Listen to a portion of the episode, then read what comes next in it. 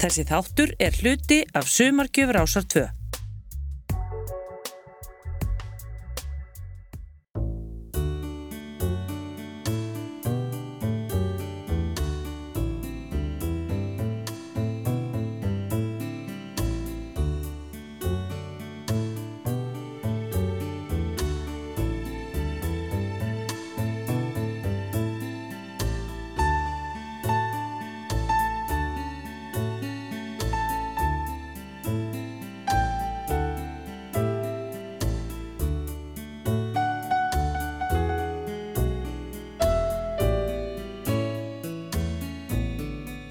Valgeir Baldursson fættist 29. mars 1944 í Keflavík, þar sem hann ólst upp. Við förum yfir feril þessa fjölhæfa tónlistamanns í tveimur þáttum í tilefni af því að um þessa mundir eru 60 ár síðan hann fór að vinna fyrir sér sem tónlistamæður. Við heyrum ný og gömul við tölvi Þóri og fjölmarka samstarfsmenn hans hérlendis og erlendis, auk þess sem fjölmörg tóndæmi frá árinu 1957 til dagsins í dag fylgja með. Þórir skrapp í mánaðalonga vinnuferð til Finnlands í upphafi ás 1970 en örlögin höfuði þannig að hann starfaði Erlendis næstu 12 ár. Hann byrjaði á Norðurlöndum en fór þaðan til Þýskalands og endaði útráfsina í Bandaríkjunum og stærstur hluti þáttana fyrir það að rifja upp þessi 12 viðbörðaríku ár Þóris í útlöndum. Meðal þeirra flytjenda sem koma við sögu í fyrirhluta þáttarins og tengjast Þóri á einn eða annan hátt eru Savana Trio, Dátar, Hljómar, Heiðusmenn, Ævintýri, Þrjú á Palli, Nílsmenn, Nína Lísell, Lee Hazelwood, Marja Baldurstóttir, Abba, Amandu, Rolling Stones, Giorgio Moroder og Donna Summer. Gunnlaugur Jónsson aflæði heimilda og tók viðtöl en ég heiti Ásker Eithórsson og við félagarnir sáum um dagskrátgerð og samsetningu. Þórir er sonur Margreðar Hannesdóttur og harmonikuleikarans Baldus Þóris Júliussonar og það er óhætt að segja að málsátturinn snemma beigist krókurinn eigi vel við um uppvakstarár Þóris. Pappi spilaði á harmoniku og hann spilaði á böllum og var svona svolítið aktífur í þessu. Og ég man fyrst eftir mér á njánum á Garðavegi 2 þar sem við byggum, þá var ég held í sjö ára. Þá lág ég á njánum með að spila á harmonikuna hans sem var til þess að þau keiftu handa mér litla harmoniku og uh, þegar ég var átt ára þá var ég farin að spila fyrir krakkana í begnum úr skólanum á litlu jólunum svona, sem voru miklar hátíðir í barnana augum sko.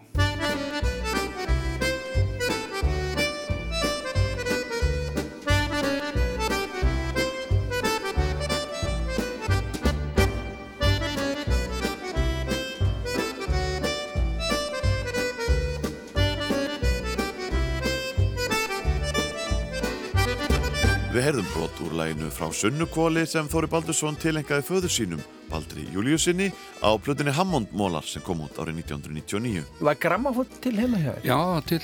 Það var Ramax. Já. Já, já, það var Ramax-mótor í honum. Já. Sko. Þú veist að skrúa náli í. Pappi smíðaði eitthvað skáputanum þetta. Og þarna voru uh, 78 snúningaplötur með uh, pappi keifti til dæmi, sko, Benny Goodman. Bubbi Mortens talaði við Þóri Baldursson í útastættinum Færibandinu á Rás 2 árið 2010.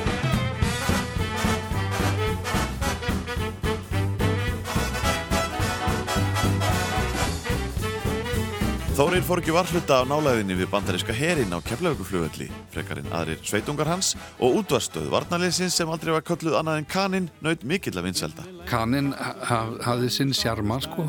Það var náttúrulega country músikin höfðaði til mann, sko. Let me ride through the wide open country that I love Don't fence me in Svo byrjaði Presley náttúrulega að koma fram, sko, í útarpinu, hvað ætlaði að vera, 56? En hvað er verið að spila í íslensk útvarpinu? Var eitthvað bitastætt? Já, já, mikil ósköp, sko, það, það má ekki, það má ekki vannmeta það og, og ofmeta uh, kanan, sko. Nei. Alls ekki. Það var margt gott í, í, í íslenska útarpinu líka og ég lá yfir því alveg eins og ég gatt. Eins og áður sagði var Baldur, fadir Þóris, harmonikuleikari og pilturinn var ekki hár í loftinu þegar hann spilaði á sínu fyrsta launaða giggi með hljómsveit pappasins. Hann var sem sagt harmonikuleikarin og hinnir hljófarileikarinn voru kannski einn eða tveir úr Keflavík, hinnir koma til Reykjavík. Fyrsta balli sem ég borga fyrir það var stúkuball. Og ég man ég fekk 100 kall fyrir djópið og þá var ég 10 ára. Og upp úr því fór ég svona að leysa af píanista sem að, átt að spila með pappa á böllum sko í, í Ungo í Keflavík. Hann sótti þess að kalla hérna til Reykjavíkur og þeir spiluðu böllin í Keflavík og stundum uh, komst píanistin ekki þá var ég byrjað að spila gamludansana með, með þessum köllum sko mm. alveg upp á 10 ára aldrei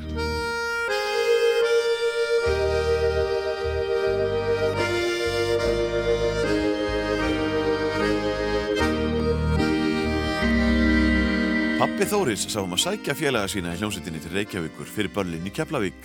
Hvernig stóð það því? Pappi tók það bara að sér því að hann var alveg stakkur reglum aðeins, sko, hann drakk aldrei. Og uh, eftir ball þá kerði hann þá í bæinn tilbaka. Hann átti að til að vera orðin svolítið þreytur að sjálfsögðu eftir, eftir allt þetta. Þannig að hann tók mig oft með og þá er ég kannski 11-12 ára. Því að hann vissi að hann myndi sopna sko, á leiðinni og hann hafði mig svona sem öryggisvendil þannig að ég byrjaði að keira á keflaugu einu þegar ég var 12 ára sennilega. Ekki leið á löngu áður en Þórir hafði stopnað sína fyrstu hljómsveit á samt félögum sínum í Keflavík. Þegar ég var uh, 12 ára þá stopnaði við strákanir fyrstu skóla hljómsveitina. Þá var ég í síðasta bekk barnaskólans og, og síðan heldum við áfram þegar ég fór í Gaggó. Þá var ég 13 og 14 var ég komin í hljómsveit sem spilaði reglulega um helgar í krossinum Njarvík.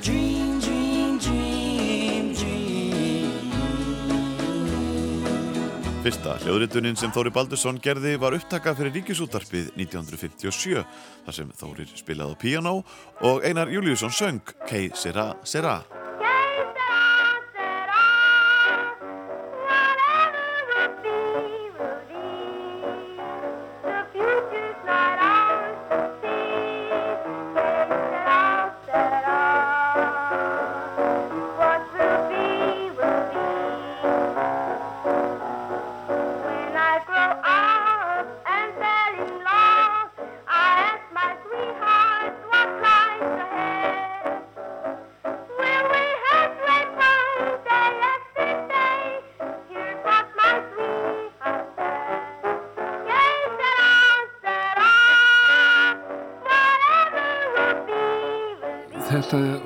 tekið upp við Östurvöll í landsímahúsinu þarna på lofti þar sem að ríkisútarpu var.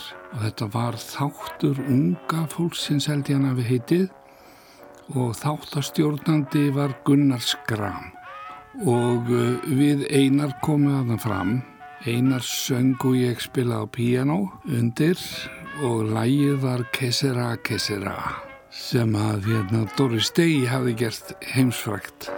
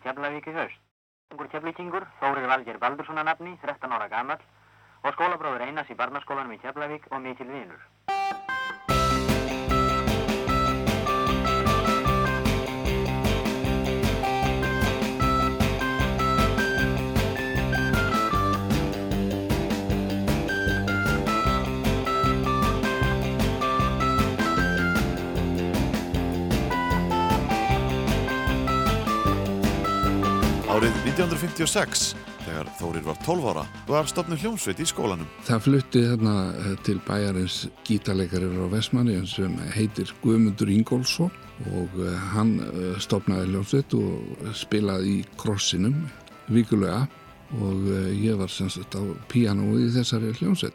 Meðri viku þá vorum við kannski upp á flúvelli eða svo bara undir spilað fyrir gaman. Það var svolítið sérstakt sko að spila upp á flugvelli sko. Þetta er eins og lítil Ameríka, þetta er svona þverskurður á Ameríku eins og völlurinn var. Var svona nýtt að koma inn, inn á stað þar sem að maður fann svona lykt af bjór og steiktum hamburgurum og þið veitir, ah, þetta blandaði saman sko, þetta var allt öðruvísi nýri Keflavík, þá, þá var allt önnur lykt sem mætti mann í andrunni þar sko. Hljómsveit Guðmundar Ingólfssonar gerði það gott árið 1958 með nýfemdan Þóri Baldursson innan bors en aðri liðsmenn sveitarinnar áttu heldur betur eftir að koma við sögu í íslensku tónlistarlífi næstu ár og ára tugi. Þetta var 5-6 manna band, þarna var Guðmundur Ingólfsson á gítar æsku félagi minn Eddi Kristins á trommur, Einar Júliusson, jafnaldri minn, söng, Engibert Jensen, söng og handafunnu kennarinn okkar, Ellingur Jónsson, alveg stórkosluður listamæður, höfmyndum og, og uh, hann kennir við listaháskóla í Nóri núna. Hann var á bassa og uh, þá var nú ímsi fleiri sem komið við sögu setna meir eins og Rúnar heitinn Georgsson, saxofónleikari vinnu minn. Það var ekkert verið að semja neitt eða leið, það var bara Only You og, og rocklegin þegar þau komu sko. Only You Can do make all this world seem right.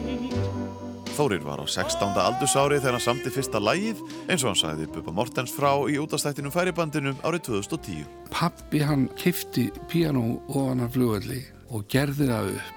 Hann var mikill hagleiksmaður en það var alltaf hálf lamað svona verkið í því og, og erfitt að stilla það sko. Já. En á þetta spilaði ég og, og, og samti mitt fyrsta lag á þetta hljófæri. Það er til í dag, ég tók það upp á plötu sem ég gerði fyrir nokkrum árum og heitir Hammond Mólar og það heitir Sunnubraut 17. Mér minnir að pappi hafi alltaf bórið 17 fyrir hann sem 17. Pappi kom frá Dalvík. Ég veit ekki hvort það er einhver máliska þar, en það, í minninguna er það Seidján.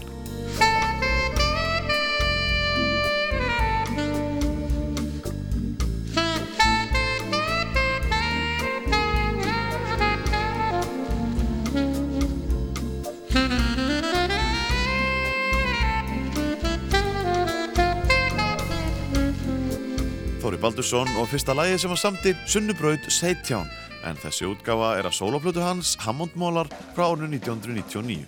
Árið er 1960.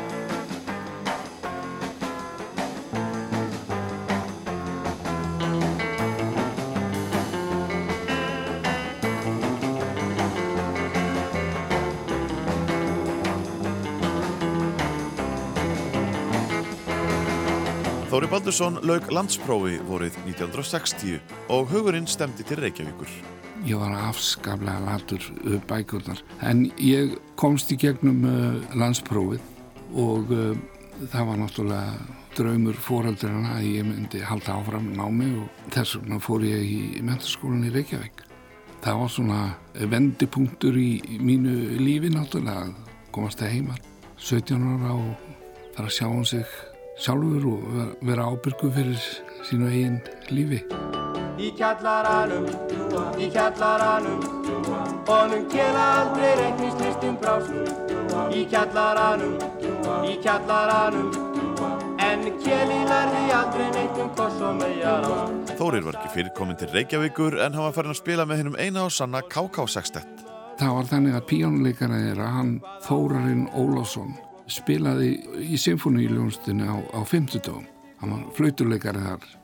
Þar veðandi gæti hann ekki verið í kákarsakstittinum á, á 50 skvöldum í þóskafið þannig að það er að fá í staðin og, og ég var fengin í það. Og þá kynntist ég Átna Skeving og Óla Gaug, Jóni Páli, Bjarnasinni. Þetta var afar hljónstittin. Það var afar stoltur af því. Síðan uh, skeður það í kjölfarið bara strax uh, í kjölfarið þá ringir Káká í mig. Þetta er svona ári áður en að Káká-sextin hættir og uh, býður mér jobb í bandinu að, að vera í sagt, stöðu þar sem píjónuleikari. Ég var svo ungur ég þurfti að spyrja fóreldrana. Pappi var alveg á því að, að ég held það minnstu kosti, hann sagði nú ekki mikið en mamma setti sig á móti því þannig að, að það var ekkert úr því. Ég finn alltaf til þegar ég segi frá þessu. Árið er 1961. Hang down your head Tom Dooley Hang down your head and cry down your head, Tom Dooley, poor boy, you're bound to die Upphaf Savana Tríósins má reykja til skólaskemtunar í Vestlunarskólanum 18. februar 1961 þar sem sjö ungir piltar tóku sér til, stopniðu kúrekarsveit og auðuðu nokkur bandarísk þjóðlög í anda Kingston Tríósins að áveikjana Tróel Spensens. Björn G. Björnsson sagði söguna í útastættinu Gemtin ekki glemt ára ást 2. Tróel sögðu þetta á, sög á þessu sko, hann hafði eignast þessar Kingston plötur og, og var í Vestlunarskólanum og setur saman svona skemmtið atriði fyrir nefndamótar með Tróvels í, í, í Vestlunarskólanum með Guðjón Markesson, bassalegari sem var með mér í hljómsveit. Og Guðjón vissi það að ég átti alveg forláta gítar. Og þegar kom að þessu nefndamóti þá, þá var svona ég fenginn til að koma, með, koma með gítarinn og vera með í floknum og þetta hétt sjö piltarleik og syngja. Var flutt á sviði hérna, það sem nú heitir NASA sem var þá sjálfstæðishúsið Östurvall og þarna var varðeldur á sviðinu og nakkar og menn með kúrikahatta og svona og þetta var þetta fína atriði með, með hérna, svona amerískum kúrikalögum og þetta var sjömanna band sko. Björn var bekkjarbróðið Þóris í MR og dætt í huga að bjóðunum á æfingu hjá kúrikabandinu skomu síðar.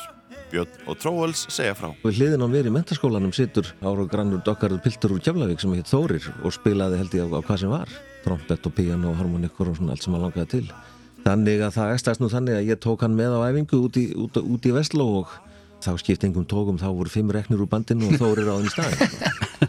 hann hafði svo fallega djúpa rödd, passaði vel við, við tenorin minn og, og baritóni hjá byrni og þóri var djúbrattar og, og svo var hann fljótur að læra gítar sko, enga stund, þannig að þetta kom í kvelli sko. Og, en við vorum alltaf með bassalegara, við vorum alltaf, þetta var eina fjórum manna tríóð sem að gekk, gekk um sko, það var alltaf fjóruði maður sem spilaði á bassa en hann var aldrei talin með í tríóðinu sko, hann var undirleikari. Fyrst var það Guðjón Markísson, þessi sami sem var hérna, með okkur upphafi og svo Gunnar Sigursson, mikill löglingur og, og, og músikant, bróði Jóns Bassa Sigurssonar af þeirri mikill, miklu tónlistarætt sko. Árið er 1962. Where have all the flowers gone? Long time passing Where have all the flowers gone long time ago?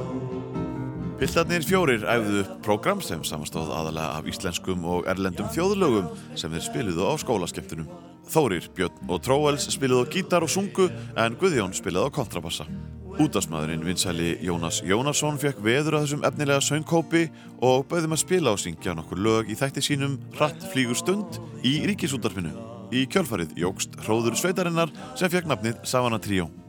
Gunnar Sigursson tók við bassanum að Guðjóni hausti 1962 og þá var Þórir hættur í MR og hafði hafi nám í tónlistaskólanum í Reykjavík. Námi gekk það illa að pappi kom að máluðum og sagði hverju ferði ekki bara í tónlistaskólan og, og gerist söngkennari skóla. Það er ágæti staða og framtíðinni trygg og ég gerði það, sé ekki eftir því. Já, þar var ég á heimavelli sko. Var gaman að, að læra aðeins meira og frábæri kennar. Tónlistaskólanámið reyndist vera góð ákvörðun sem nýttist vel í þeim verkefnum sem byggðu Þóris næstu árin. Sko það sem ég læriði þarna, það var minn grunnur í því starfi sem ég tók að mér síðan mm.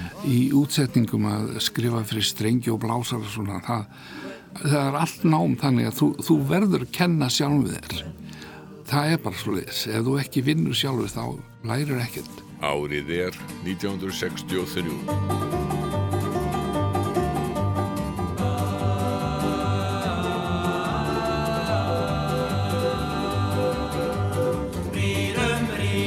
Rekkum yfir sandin, rennur sól á bakvið Arnarfell Hér á reik er margur og því fer að skikja á jökulsvell Drottin leið í drössulinn mín, drúur verður síðasti áfangin Drottin leið í drössulinn mín, drúur verður síðasti áfangin Útvarsþullurinn og umbósmaðurinn Pétur Pétursson hafði tröllatrú á Savanatríóinu og bauð sveitinni aðstóð sína sem piltarnir þáðu með þökkum. Hann lagði sitta mörgum til þess að við kemist upp úr starttólunum og útvöða okkur meðal annars á nýjáskvöld. Hann, hann sem stóð fyrir því, það var klúburinn, tvísvar og leikurskjallarinn og grillið og hlera. Það var skriðan komin að það. Á fyrirluta ársins 1963 var Savanatríuð komið á fulla ferð og spilaði oft í hverri viku. Í framaldi að því var farið að huga að plötu útgáfu. Hann kom til okkar, Tage Amundrup, og vildi, vildi gera plötu og þessi lög voru tekin um vorið 63. Fyrsta plata Savana Tríusins var fjóralaga og kom út 14. júni 1963 á vegum tónaútgáfunar sem Tage Amundrup stýrði.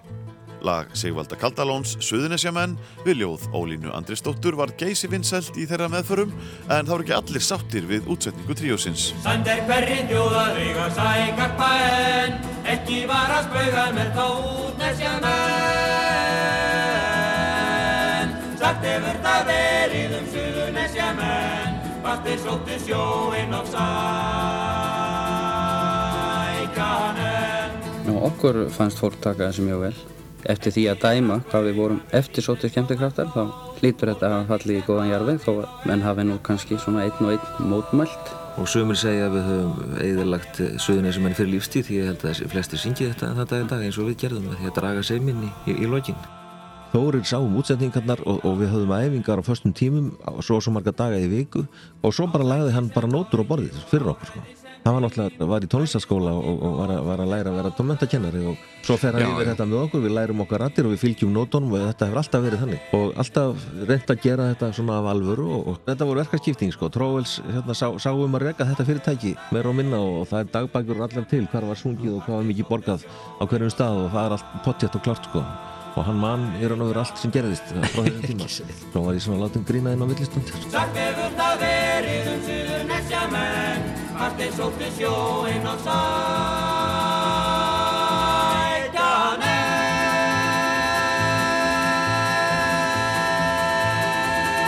Þú ert að hlusta á Rás 2 og við erum að fjalla um tónlistaferil Þóris Baldurssonar í tilefni af 60 ára starfs Amalie Hans og við erum komin að árinu 1964 þegar Savana Tríóið sendi frá sér sína fyrstu breyðskífu.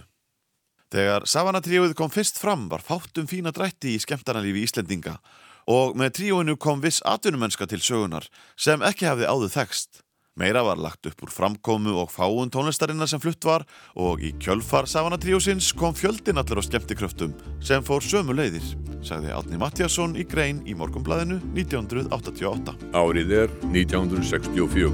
Östan kaldinn á oss bjess, um skal faldi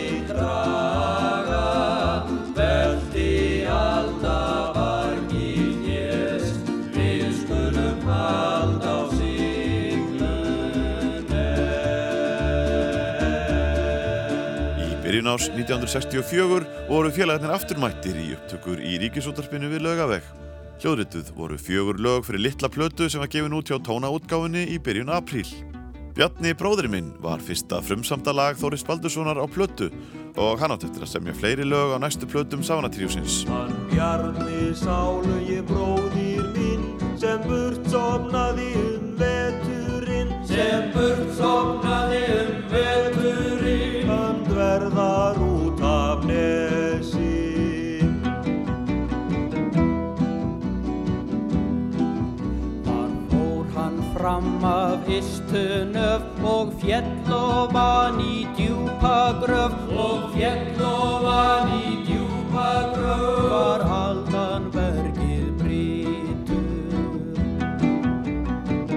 Ég held að það var nú bara uh, reynlega verið að þörf sko, okkur vantaði til dæmis lag við allara flagða þölu sem okkur fannst skemmtileg.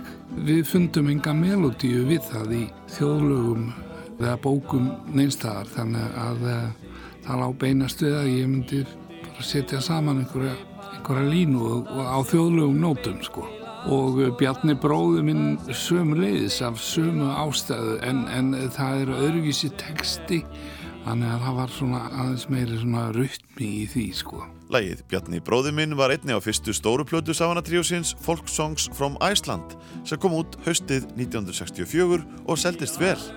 Hljómplötu útgefandin, hljómsættastjórin og útvarsmaðurinn Svar Gess gerði þátt um Savanatríu fyrir Rást 2 árið 1987 en það var einmitt útgáðu fyrirtæki Svavas, SG hljómplötur sem gaf plötuna út. Þessi fyrsta stóra plata Savana Tríósins, eh, hún fekk og góðan mótt okkur var lengi í sölu. Ég þekki útgefandan og hann fullir þér og það er rétt að þetta er söluhæsta plata á Íslandi. Þó hann hafi farið hljótt með það, hann er nú ekkert að láta skatta yfir völdin vita um slíkt. Aðrir útgefandi meg að hlaupa með slíkt í blöðinu þeir vilja. En sá sem hér eru ræðir, hann er hættur að gefa út og það er alveg óveit að segja frá þessu.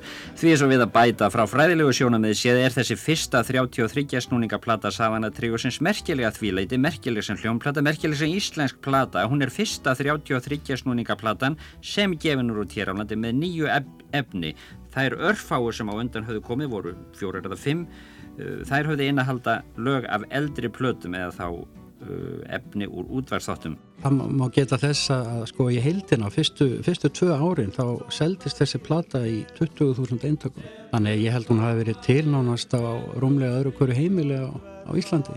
Þá voru gefna kannski út tvær, þrjár plötur á ári. Eina voru og eina á hösti. Árið er 1965. Í april 1965 skrapp Savana Trio til Lundúna og kom fram í sjómanstætti Magnúsar Magnússonar Tonight Show á BBC þar sem tríuð leik og söng fyrir 22 miljónir sjómas áhörunda og fekk að launum 84 stellingspund.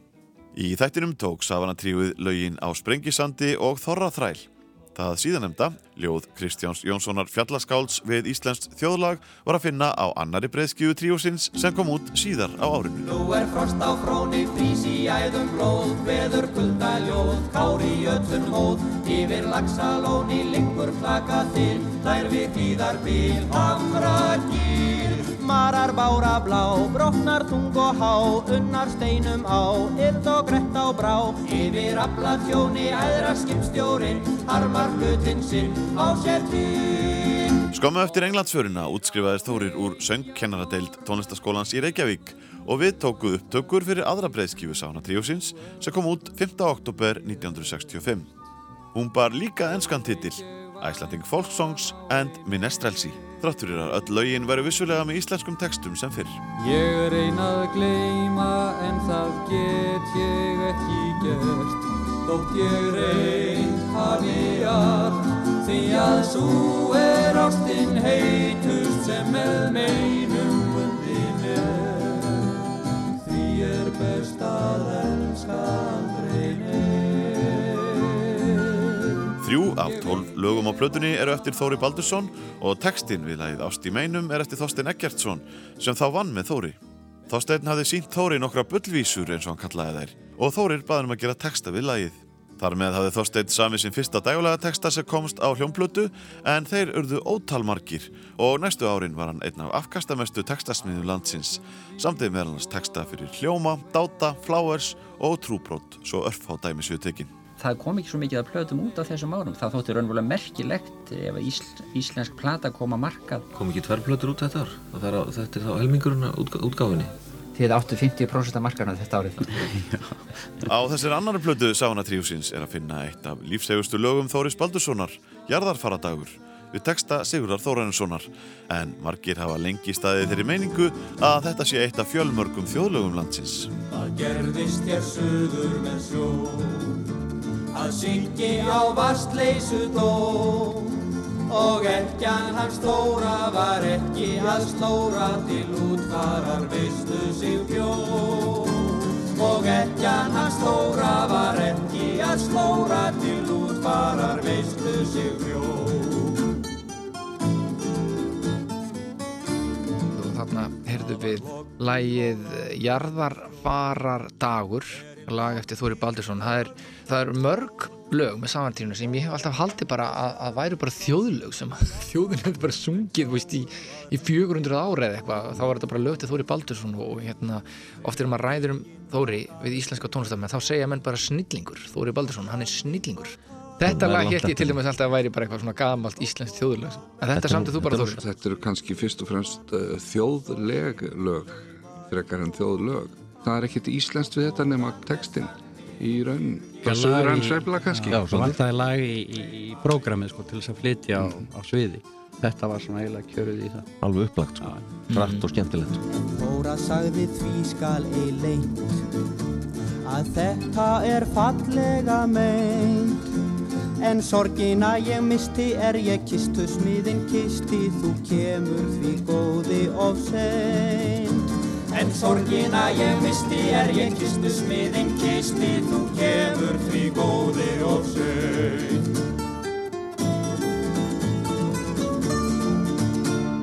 Árið er 1966. Það er svo margt ef að er gáð sem um er þarf að ræða Ég held það væri heilla ráð að hætta nú að snæða Heyrið þið snáða, hvað er nú til ráða Það mun best að býða og hlýða Lokatónleikar Savana Tríósins voru í Stapanum í Njarðvík 7. april 1966. Bandið hafði þá starfað linnulaust frá ársbyrjun 1963 og komið var þreita í hópin. Já, þetta var náttúrulega búið að vera mjög intensífu tími, þetta, tími. Þetta, þetta kvöld sem að þessi ákverðin var tekin, það var í Stabanum í Keflavík, þá höfðum við tróðið þar upp á einhverju ár, ársatíð.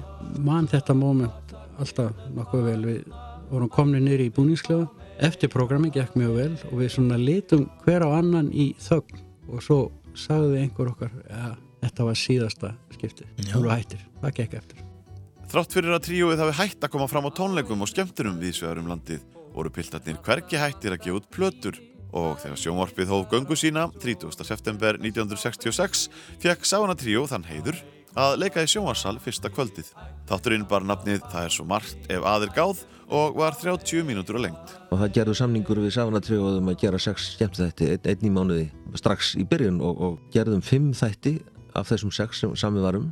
Eftir þessar fimm þætti er, er komið heilmikið að lögum og það eru þau sem að rata inn á, inn á þessar, þessar tvær stóru blödur, síðustu blödur. Björn G. Björnsson sagði frá sjónvarstáttaröð Savanatríusins í árdaga sjónvarsins. Eftir að Savanatríuð hætti að tróða upp á tónleikum gafst Þóri Baldursinni meiri tími til að sinna annari tónlistariðkun. Bítlið var komin til landsins og SG hljómblutur gaf út fyrstu plötur hljóma árið 1965. Upp úr því spruttu unlingaljónsitir upp út um all land og einn þeirra var Dátar. Klukkan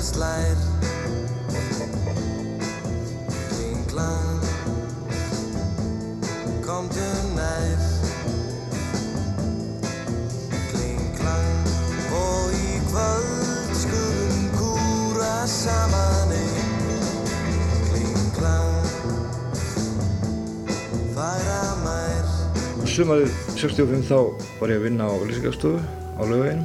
Þangað komuðu strákar, þeir sem hafa verið valdir í hljómsveitina því að Þráin Kristjánsson sem var sölufulltrúi hjá okkur og Þóri Baldursson sem var teknari ásamt mér. Þeir voru búin að velja hana þessa fjóra stráka í þessa hljómsveit og þeir komuð hana og ég tók strax eftir hérna, þetta var svolítið vel valinn hópur af því þetta voru strákar sem var sko, maður myndir strax eftir þeim, daginn eftir sko. Þeir voru hver með sín svona persónulega engin og svo framvegis. Þorstein Eggertsson rifjaði upp upphafið að hljómsveitinni Dátum í þættinum Íslenskar góðsagnir á Rás 2. Þorstein vann á þessum tíma hjá auglýsingaþjónustunni á laugavegi 47 með Þóri Baldursinni og Þráni Kristjánsinni sem var eins konar umbóðsmaður hljómsveitarinnar. Þórir rifjar upp. Bróðir Þráins, Hilmar Kristjánsson, gítaristi og hann langaði til þess að spila í hljómsveit og Þráin mjög aðtapna samar og, og klár strákur. Hann sagði ok, þá stopnum við bara band og svo e, með einhverjum hætti þá náðan í eina göruna eða þeir saman, bræðinir og úr var þessi ljónsveit dátar. Við þráinn og við tengdi líka svolítið í gegnum móður fjölskyldum mína. Þannig að við þekktumst vel og hann náttúrulega vissi hvar ég var startur í músík og bað mig um að aðstóða strákana að gera plötu.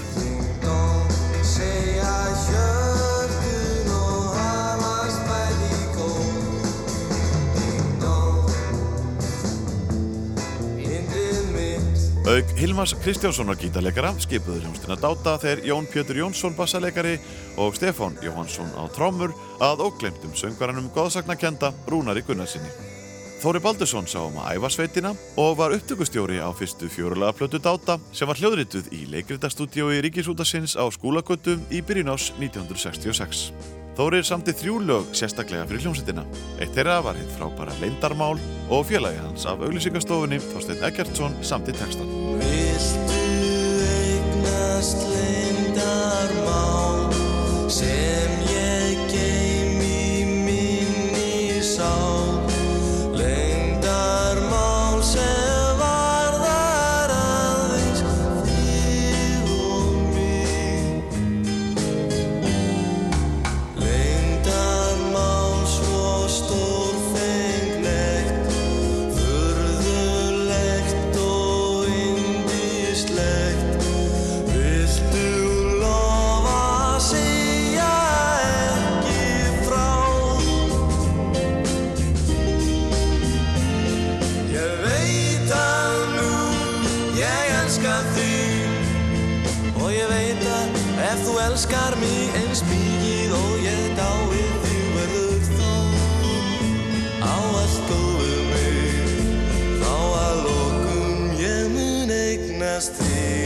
Þráum að aldrei ítinn, hann var kunningi minn, hafði þekkt hann í nokkur ár. Og hann fekk mig til að gefa út þessa fyrstu plötu dáta. Og þá komst ég að því þegar ég fór að hlusta á það mér fannst einhvern veginn að þeir væru svona kraft meiri hljómsveit heldur en hljómar.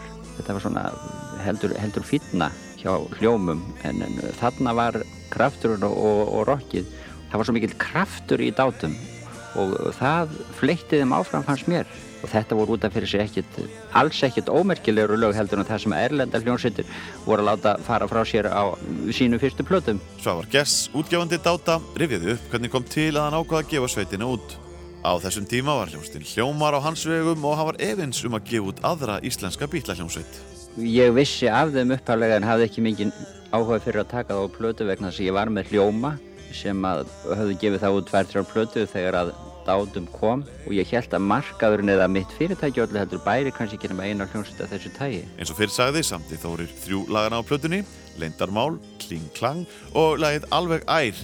En gítarleikarin Ólafur Gaukur Þóraldsson samti textana við tvö síðastendu lögin. Lillu hönnum að ég gær Hún hlóað mér og brosti niður í tær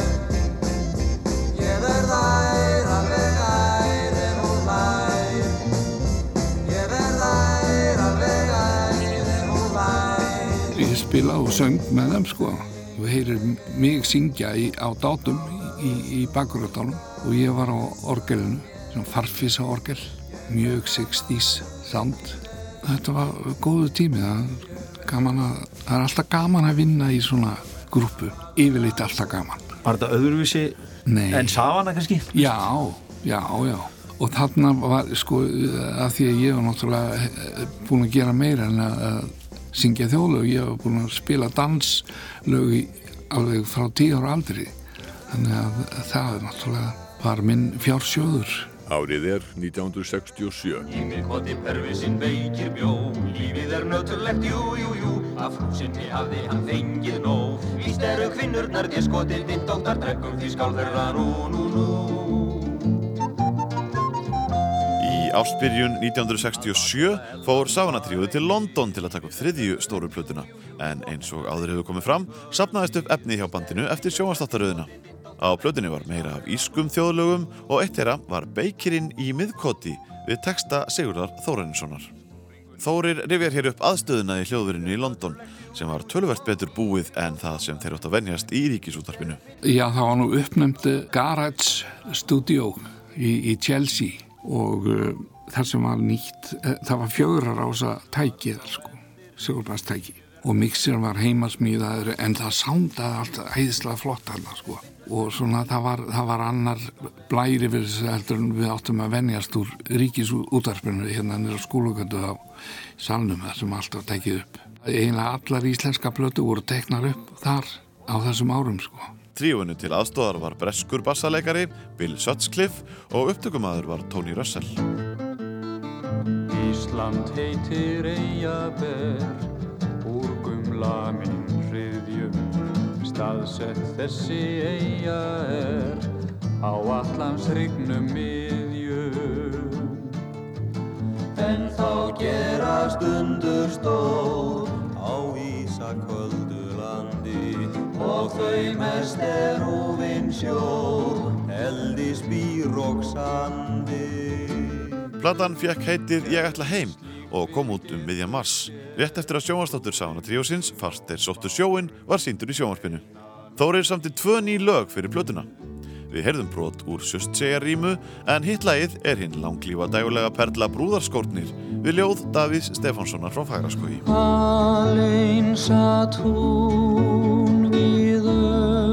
Öskustóna Hugurinn var fram á melum.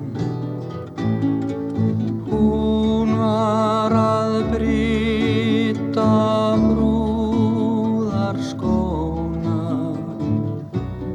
Sumir gera allt í felum.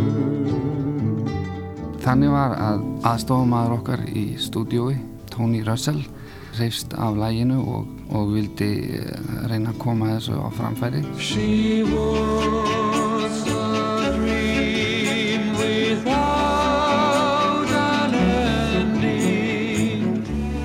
A book with only half a story.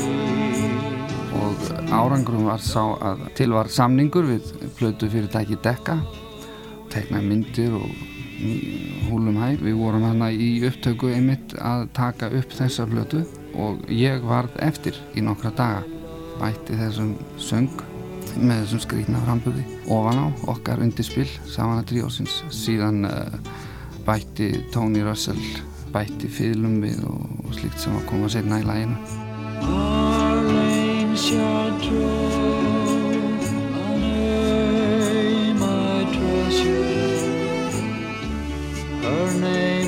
always will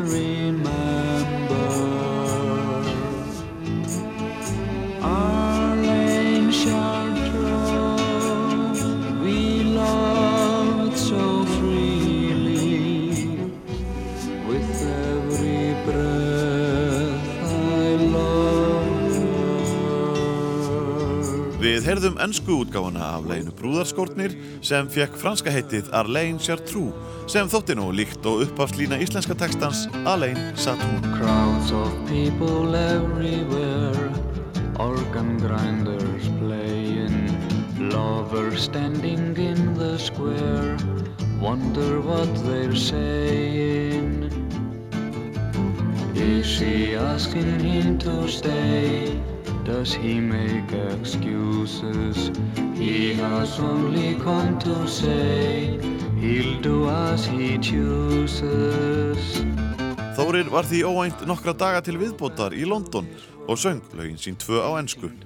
Upptökustjórin Tony Russell kom þeim til hins heimsfræga útgáðu fyrirtækis Dekka sem leist svo vel á að Þórir fór heim með þryggjára samning í farteskinu. Það var búin samningur ef ég kann nú ekki það segja frá honum. En að uh, ég kom heim með hennar samning og var eitthvað að líta yfir hann með vinnum mínum sem var búin að læra ennsku út í Englandi og hvoru var okkar hafið, eða ég skildi ekkert þessu, en ég skrifaði undir samt. Smáskifan kom út í Breitlandi haustið 1967 en það fór lítið fyrir henni og ekkert framhald var það útgáfu fyrir dekka þrátt fyrir samningin. Í dómi um plötuna í enska tónlistatímaritinu Record Mirror var þá farið afar fögrum orðum um tónlistamannin Þóri Baldursson frá Íslandi. Hann hefur fengið í sinn hlut meiri tónlistarhæfileika en réttlátt má teljast. Sjö ára var hann farin að leika á harmonikku og hefur síðan náð mikill í leikni á píjánó, orgel, gítar og franst horn. Hann er fastagestur í sjónvarpi og útvarpi á Íslandi, bæði einn og með hljómsitt sem nefnist Savana-tríóið. Ef þetta dugir ekki til að sína fjölhæfni hans, má nefna honum til hrós að hann stjórnar og útsettur tónlist fyrir 60 manna kóra. You, boy,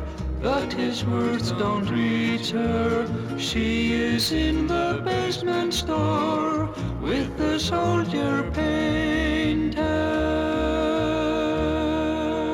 Þóri Baldursson söng þarna enska útgáfu af Surtseyjarímu sem fekk titilinn The Tin Soldier Painter við enskan texta John Bromley á bjellið tveggjalega smáskifunar sem dekka gaf út árið 1967. Haustið 1967 voru hljómar komni til London til að taka upp sína fyrstu breiðskifu undir stjórn Tónis Russell. Platan var 12 laga og komið í november en helmingurinn á lögunum var frumsaminn. Gunnar Þórðarsson samti fjögur lög, Rúnar Gunnarsson samti lægið Peningar og Þóri Baldursson átti lægið Miðsumarnótt við texta Þorsteins Eggertssonar.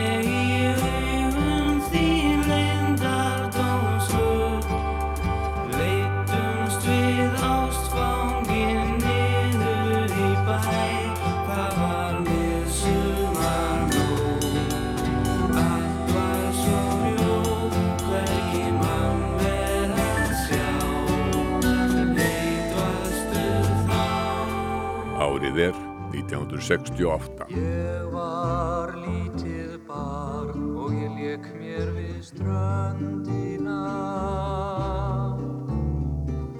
Tveir dökklættir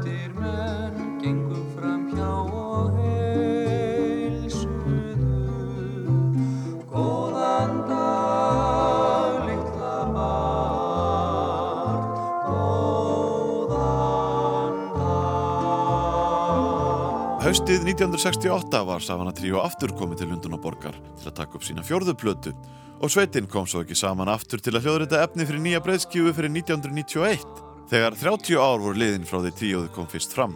Sem fyrr var Tony Russell á tökkunum á þessari fjörðu plötu sem bar einfallega nafnið Savana og innihjalt 12 lög og þaraf voru 5 frumsamin. Á plötunni frumflutti Savana tríóði líka hið ástsæla lag Ragnars Bjarnasonar Barn við ljóð Steins Steinas.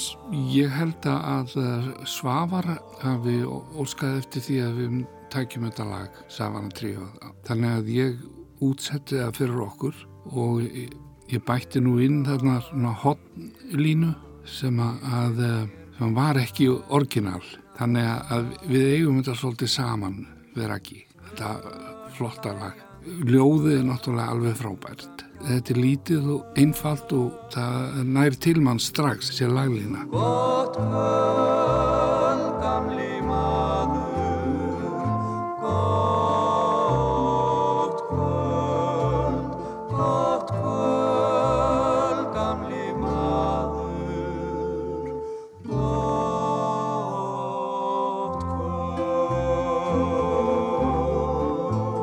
Þóri kom líka víða við á tónlistarsviðinu á síðustu árum sjönda áratugurins og söng meðal annars um skammarhýð í hljómsveit Gunnar Spennburg í þjóðleikuskallanum.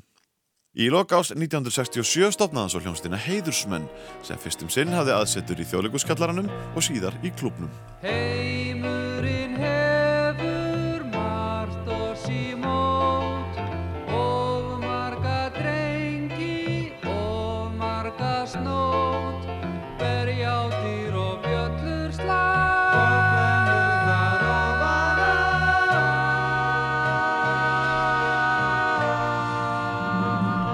langaði svolítið í hljómborðið aftur sko eða piano eða hvaða nú var. Ég var nú búin að eignast orgel Yamaha orgel með fótbassa og að byrja að spila á þetta og var alveg heitlaður af, af þessu soundi. Mér langaði í þessa músík aftur eitthvað annað en, en þjóðlegin og stopnaði þessa hljómsveit. Þórir spilaði á hljómborð og söng en aðrir heiðursmenn voru trómalegarin Reynir Harðarsson, gítarlegarin Baldur Arn Grímsson og saxofónlegarin Rúnar Georgsson. Auk þess söng Marja Baldursdóttir, sýstir Þóris með bandinu um tíma eða þanga til hún var valin Ungfrú Ísland árið 1969. Árið er 1969. Heiðursmenn hljóðrötuðu nokkuð lög í ríkisútarpinu sumarið 1969 og sendu frá sér fjórulega plötu undir lok ásins undir merkjum tónaútgáðunar á Akureyri. Byrtast grein af grein gaman er að vera til. Blómin vakna björt og hrein byrtast upp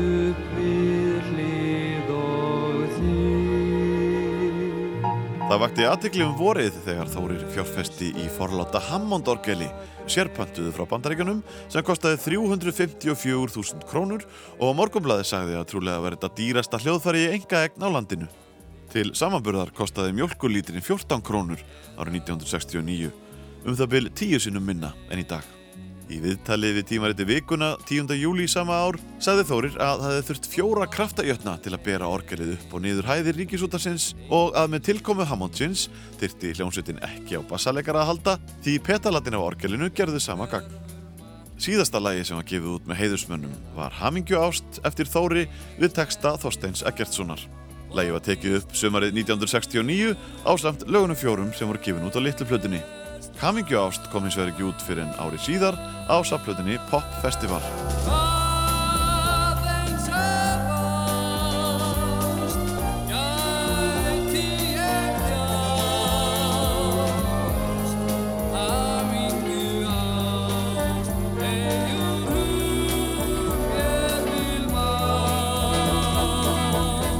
Undir lok ás 1969 fekk Þórir bóð um að fara til Helsingi í Finnlandi í mánuð á samt Maríu sýstu sinni.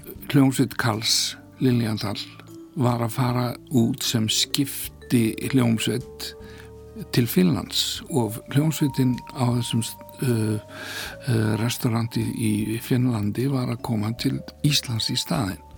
Ég veit ekki hver fekk þá hugmyndum að við mæja kæmum með til þess að uh, brúa bylið í pásu þegar hljómsettin hans Karls færi í pásu þannig í Finnlandi og uh, við stökkum á þetta jobb. Árið er 1970.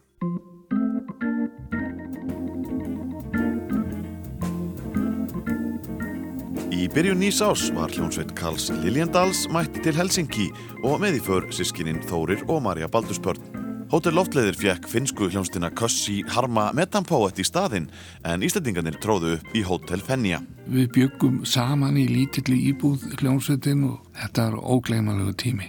Þarna eignaðist ég góða vini. Aridu, aridúra dei, aridu, aridáa, sem kongur ykti hann meður sóm og sann, eitt sumar á landinu bláa. Um það leiti sem Karl Liljendal og félagar fóru heim til Íslands frá Finnlandi í byrjun februar var Þórir kallað til London þar sem nýtt tríó var að fara að taka upp sína fyrstu plötu. Tríóið fekk nafnið Þrjú á palli og vinur hans úr Savana tríóinu, Tróvel Spensen, leiti það en með honum voru Edda Þórensdóttir og Helgi R. Einarsson. Platan fekk nafnið Eitt sumar á landinu bláa og voru launamestu ísk við texta Jónasar Átnarssonar. Söngleikurinn Þið muniðan Jörund var frumsýndur 22. februar 1970 í Íðnó. Söngflokkurinn Þrjú á palli tók þátt í síningunni sem sló heldur betur í gegn í leikstjórn Jóns Sigurbjörnssonar og var að fjölunum í rúmt ár, lauk í mæ 1971 eftir 102 velhefnaða síningar. Hæ hoppsa sí, hæ hoppsa sa, svona elsku vinur upp með húmorinn. Hæ hoppsa sí, hæ hoppsa sa, verður káttu núna nafni minn. Að loknum upptökum með þremur á palli í London fór Þórir aftur til Finnlands og var þar fram í apríl en hvers vegna ákvaðan að fresta gæfunar í Finnlandi eftir að hljómsveit Karls Liljendals var farin heim til Íslands. Bara ævintýra löngun, sko, að prófa eitthvað. Það voru engin djóp öðru sem að veri umbósmaður á bakviðu, sko. Þannig að ég hlýta að hafa orðaða við umbósmann þann sem að sá um þessi, þessi hljómsveitar skipti hvort það væri djóp ykkur staðar áfram og hann rettaði því. Þannig að ég var hérna ekstra tvo mánuði. Og þá bantalega endi sem bara svona dinner músikant Já, ég söng nú eitthvað líka. Eftir Finnlands dölina þá húra ég mig niður til Kaupmannhafnar aftur. Á leiðinni heim en staldra aðeins við því að ég átti góðan vinn og frænda sem var búin að vera búsettur í, í Malmö í mörg, mörg ár. Hötti Björns Hjörlegu Björnsson bassalegari hann og kona Stíti þau tókum upp á sína arma og Hötti var aktífur í músikinni og orgeli beig bara í Kaupanöfn í ykkur vöruhúsi á meðan. Og Hötti útöðaði mér jobb í Stokkólmi á bar. Það var svona amerískur stílaðar sem bar á, við hérna Kongsgötuna, Kungsgaten Þórir spilaði á veitingahúsinu Griggs í hjarta Stokkólms allt sömari 1970 en hugurinn leitaði heim þar sem hann átti konu og ungan son. Ég var náttúrulega bara ungu maður sko og það var allt spennandi og jú, mér langaði alltaf heim. Ég var alltaf með hugan heima þó að ég var eitthvað þjakaður af heimþrá en ég var giftur, átti eitt barn og uh, þegar ég kom með þetta jobb í Stokkólmi þá kom kona minn Ranvi Ólafstóttir og sonu minn Björn þau komu til Stokkons og við leiðum þar í búð og byggum þar. Þar til um haustið að ég fór í hljómsdýra Nílsmenn. Tíðan jagar våra år Den är kort, vår levnad svår Kort er våren och kort är sommaren Säg din barndom, var? Har du kvar de drömmar än som du drömde en gång för länge sen? Þetta var bara svona coverband það voru tveir blásarar gítar, bassi, trommur og orgel og hérna klavinetta og hann á orgelinu það var bara mjög típisk uppsetning af sænskum böndum þá sem að ferðuðust um og mörg alveg rosalega góð bönd. Var þetta eitthvað svipað á íslenski sveitabala rúndurinn? Já, það var svolítið þannig sko. Við fórum í fólkparkana og síðan spilaðum við náttúrulega í Stokkólm á þeim stöðum sem voru þar, svona dansstæðir í Stokkólmi. alls konar. Ball hljómsveitin Nílsmenn með hljómbórsleikaran Þóri Baldursson innanbors ferðaðist vitt og breytt um Svíþjóð í upphafi 8. áratugurins. Spiluðu mikið í uh, norður Svíþjóð. Og konan er bara eftir þá í Stokkólmi Já. Með guttan. Já. Hvernig þreifst hún þarna meðan þú varst í þessu flandri? Var þetta ekki erfitt fyrir hana? Það er erfitt fyrir alla Já. að flytja búferðlum. Já. Þannig að uh, hún átti ofta erfitt en hún var í, í vinnu sem var nú ekkit skemmtileg vinna sko. Þannig að ég, ég skil það þegar ég lít tilbaka hvað þetta lítur að verið erfitt. Og, og þá slitnaði upp úr þessu hjónabandi og uh, Ransi fór heim.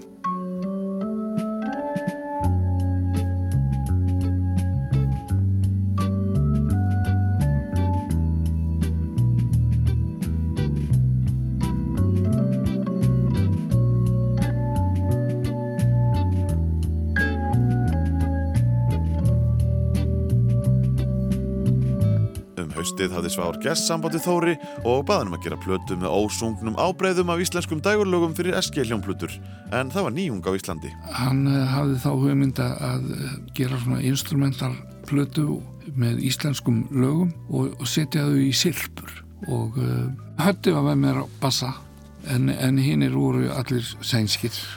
Og með þess að mjög góðir sænskir hljófræleikar og ég held að hötti hafa nú átt mestan og stærstan þátt í því að, að ráða þá til leiks. Platan fekk nafnið Þóri Baldursson leikur vinsæl íslensk lög og kom út fyrir jólin og við heyrðum brot úr hljómalæginu Bláu augun þín eftir Gunnar Þórðarsson.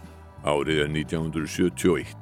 Á nýju ári hjælt Þórir áfram að túra með nýlsmönnum um alla Svíþjóð og í byrjun sumars leik sveitin einn mánuð í Oslo. Um haustið var bandið svo hluti á nokkus konar kabarettsýningu sem er Þóri mjög eftirminnileg. það var svona tísku þetta er svo merkilegt að hérna þegar ég kom aftur heim til Íslands þá fór ég í svo svipaðan túr um landi ég er og hétt Þórskaparett þetta, Já. þessi túr í Svíþjóð Já. með þessari hljómsveit var svona svipað dæmi Og svona flotta stelpur með og... Já, einmitt, sem voru að sína tískufatnað Já. og þarna voru uppistandari og þá voru, þá voru tvær söngstjörnur uh, önnur var, var eh, þessi tilvonandi sænska eiginkona mín, Nína Lísell hún er hálfu ári yngri en ég. Sommaren jag aldrig glömt var sommaren med dig. Dagarna som rann förbi när du var här hos mig. Sommaren jag alltid minns rann allt för hastigt bort. Aldrig kommer den igen, den var så skön och kort. Nína Lísell fættist 1944 í Stokkólmi og var árið þekkt söngkona í heimalandinu Svíþjóð fyrir tvítugt. Árið 1966 sló í gegn í hæfileikakeppni í Þískalandi og naut mikillar hilli í austur og vestu Þískalandi næstu árin og við heyrðum brot úr læginu Sommaren ég aldrei glemt sem kom út á lítilli plötu í Svíþjóð árið 1967 og naut mikillar vinselda. Nína var stór stjarnar í, í Þískalandi og aðalega í austur Þískalandi en hún var líka vel þekkt í sínu landi, Svíþjóð Árið 1970 snýri söngkonan aftur til heimalandsins, meðal annars til að syngja í sjónvarsmyndinni Cowboy in Sweden á samt hinnum heimsfræga bandaríska tónlistamanni Lee Hazelwood og saman sunguðu duett í læginu Vem kann sigla fór utan vind sem sló rækilega í gegn og fór á topp sænska listans árið síðar. Vem kan segla förutan vind? Who can sail without the wind?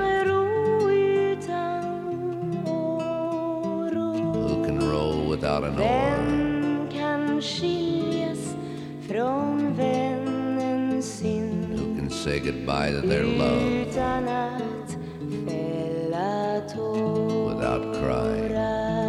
Nínu var í kjölfarið bóðið að túra með hljómsveitinni Nílsmönnum þar sem leiðir hennar og Þóris Baldurssonar lágu saman. I lived in Munich at that time, but I now and then came to Sweden, you know, to make some TV shows here and to be in front of the public. So, 71, there was a tour together with Nilsman. I haven't seen uh, Thorir before. And um, in uh, this band, Nilsman, Thorir was playing uh, the piano and the organ, you know, the Hammond organ. And um, I like that very much. So I really enjoyed this tour. And uh, at the same time, we, we started to like each other so much. You know, he enjoyed my way of singing, and I enjoyed his way of playing. And gradually, we, we actually fell in love with each other. Nína sagði að hún hefur verið mjög hrifin af píano og orgelleik Þóris og hafi haft mjög gaman að túra með Nílsmönnum. Þórir hafi einnig verið mjög hrifin af söng hennar og þegar áleið tónleikaferðina feldu þau hugi saman. Funny walk?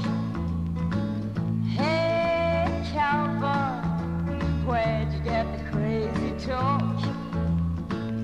What you doing in the land of the midnight sun? You better run, you just a toy cowboy.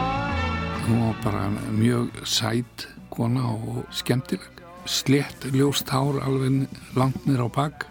Já, hún var sko sænsk eh, stereotýpa, getur maður sagt. Alveg gjörsanlega. Og hún var fræg. Nína átti bæði íbúð í munn hérna á Stokkólmi og eftir að Þórir og Nína hættu að túra með Nílsmönnum fóru þau að sinna ímsum verkefnum hvort í sínu lægi en hittust alltaf reglulega í íbúð Nínu í Stokkólmi myndi þess sem þau voru að túra í sikkoru lægi. Árið er 1972. Naturen lockar till lång promenad Havet glittrar, vi tar oss ett bad Hej, hej, hej, vilken underbar dag Við erum að fjalla um tónlistaferil Þóris Baldurssonar og komin að árinu 1972. Þórir var í hljómsveitinni Nílsmönnum fram á vorið 1972. Þá kom frændans Hörður Björnsson að máli við hann og bauðum að ganga til liðs við aðra sænska hljómsveit, Bruno Glenmark Orkester, sem var tölvert stærra nafn í Svíþjóð á þessum tíma. Hötti, eins og var allagarna kallaður, spilaði á bassa í hljómsveitinni. Hötti var í hljómsveit Brúnós og uh, það var Hötti sem að koma að máliðu mig og spurði hvort ég var ekki til í að það vantaði sko orgileikara í Brúnó glemar. Það var eitthvað orðið svona uh, minna að gera hjá, hjá Níls mönnum þannig að ég sló til. Með í hljómsveitinni var bróðursonur Brúnós, Anders Glenmark og hann söng með hljómsveitinni inn á litla plötu þetta árið lagið Beautiful Sunday sem enski söngvarinn Daniel Boone hafi gefið út um vorið. Á sænsku heitir það Söndag mín lediga dag. Härliga söndag Det är min, min, min lediga dag Ég var með Bruno Glenmark þetta sumar og þar sem við kyrðum um Svíþjóð í fólkparkana og spilum á, sveitaböllum í Svíþjóð um helgar. Það voru tveir blásarar, Bruno sjálfur spila á trompet, það var básunleikari og það var saxofónleikari og síðan bara gítar, bassi, trommur og orgel. Svona minnistæðist er nú kannski eh, þessi sjóanstáttur Gruna Nöyet sem var tekin upp undir Berulofti í skemmtigarðinum í Stokkólmi sem heitir Skansen. Þar vorum við sagt húsband og sáum um undirleik fyrir gestið þáttarins. Í þessum þáttum sko þá, þá vorum við að spila undir hjá ýmsum artistum. Ég man eftir einum gesti frá Englandi, Russell Stone. Okkar leiðir lágu síðan saman löngu, löngu setna og við skrifum saman alveg hellinga lögum. 15. júli 1972 voru gestir í sænska sjónastættinum Gröna Nöyet fjórmenningar sem kalluðu sig Björn og Benny, Agneta og Anni Fríd. En árið síðar breyttuðu nafninu í ABBA. Þarna voru uh, fjórmenningar sem áttu eftir að vera heimsfræg undir nafninu ABBA með læginu Waterloo í Eurovision. Í þættinum flutti kvartetinn sitt nýjasta lag, People Need Love, og húskljónsveit þáttarins með Þóri Baldursson í farabróti spilaði undir. Lagi kom síðan út af fyrstu plötu ABBA, Ring Ring, árið 1973.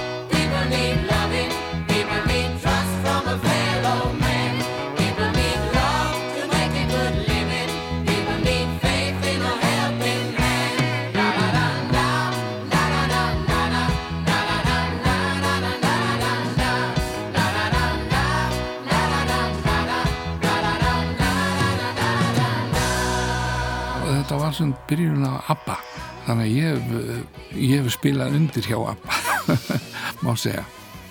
Ég, ég hef verið svona svolítið í, á, út á kanti svona í, ymsum frægu fólki. Verið svona á kantinu, það er svolítið skemmtilegt. Haustið 1972 gekk Þóri til liðs við fjölþjóðlega hljómsveit Jerry Hayes Orkestra sem gerði út frá Þýskalandi. Þetta var nýjumanna hljómsveit og liðsmenn komu víða að frá Þýskalandi, Argentínu, Noregi, Svíþjóð, Tjekkoslovakíu og Þóri frá Íslandi. Þórir sagði í viðtali við Vísi 25. oktober að næsta mánuðin myndi hljómsveitinn spila á skemmtistanum Berns í Stokkólmi en þaðan lægi leiðin til Sviss þar sem sveitin myndi spila víða um veturinn. Á efniskráni voru tökulög úr ímsum áttum.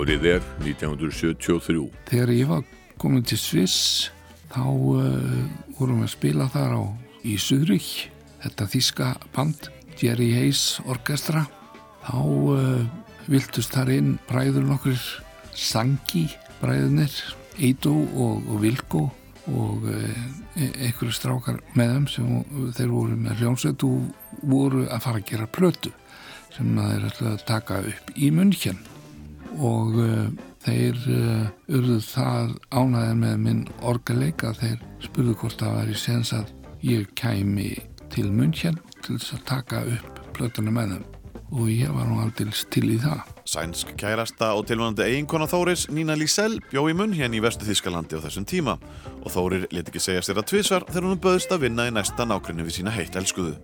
Bræðurnir Edo og Vilko Sanki, sem voru af júgósláfnisku bergi brotnir, voru að undirbúa aðra plötu Dons Andersson, sem var listamannsnafn eldri bróðurins, Edos Sanki, og platan fekk nafnið Eagle Flies.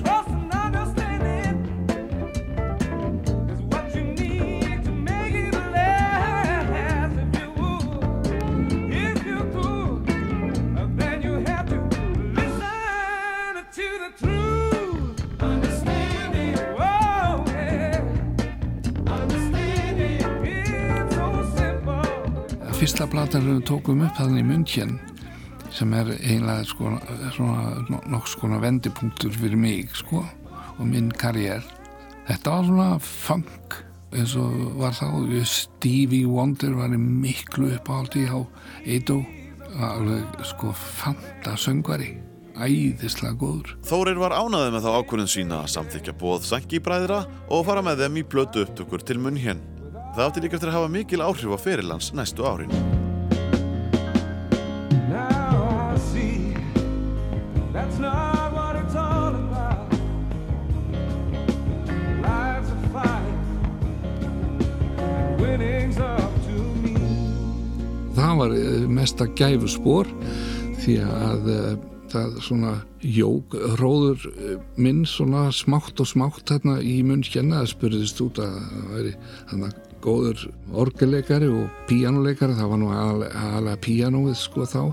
Og þá var Elton John stílinn mjög vinsall og það spurðist út að hann væri komin í, í flórunna, ný, nýr píjanisti sem geti spilað eins og Elton John.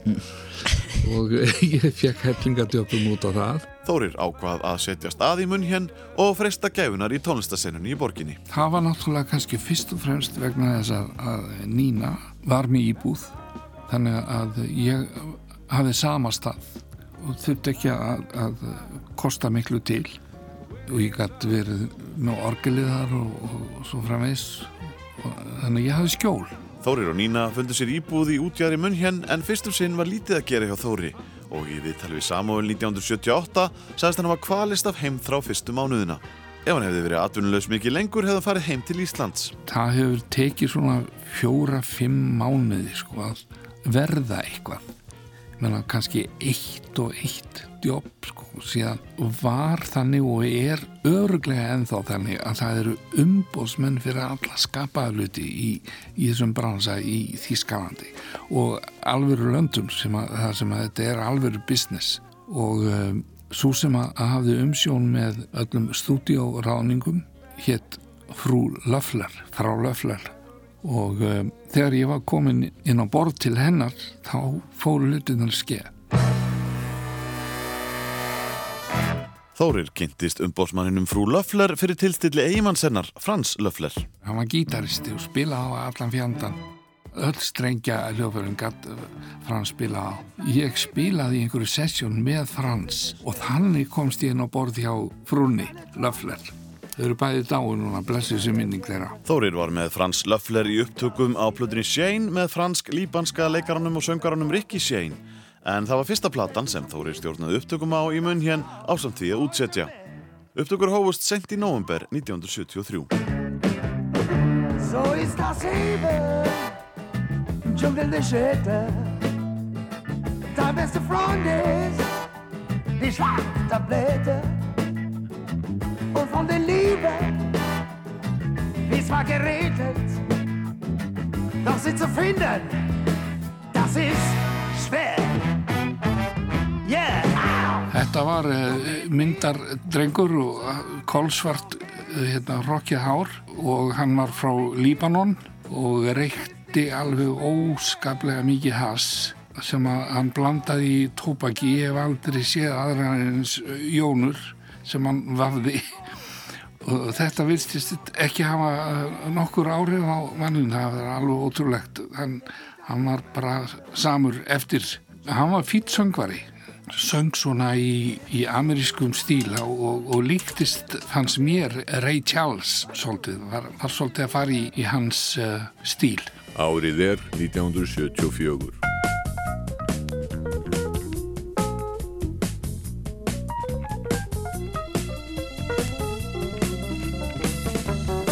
Eftir upptökunar með Edo Sanki vorið 1973 spurðist fljótt út að nýr hljómbórsleikari væri sestur að í munn hér. Í bænum væri hljómbórsleikari, píjánuleikari sem að gæti eitthvað og uh, menn fóru að gefa mér sjans. Einn af þeim var uh, Ralf Novi, saxofónleikari sem að spilaði held ég á blötunni með Edo og hann var svona pródusent sko í munn hér.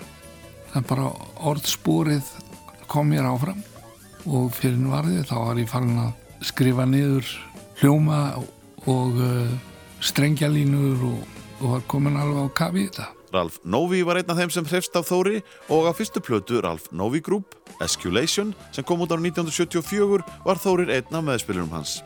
Í hinnu 19 mínútna titillegi fór Þórir gjössamlega á kostum þar sem hann leik á harpsíkord, hljómborð, ramagspiano og synthesizer og hér heyrðu við stuttbrót úr tónverkinu Esculation.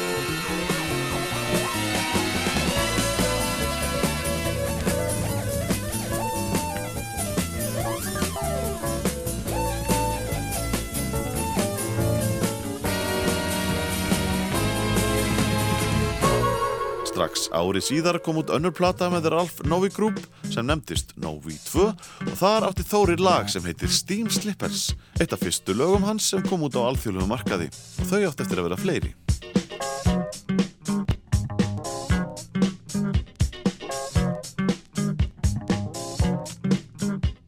Ég var, að, var svona að, að fóta mig hérna í þessum, þessum stúdíobransa og koma mér svona fyrir sem hérna aktífur meðlumur í, í grúppunu sem að spilaði eiginlega allflestum upptökum sem fóru fram í munnkjenn.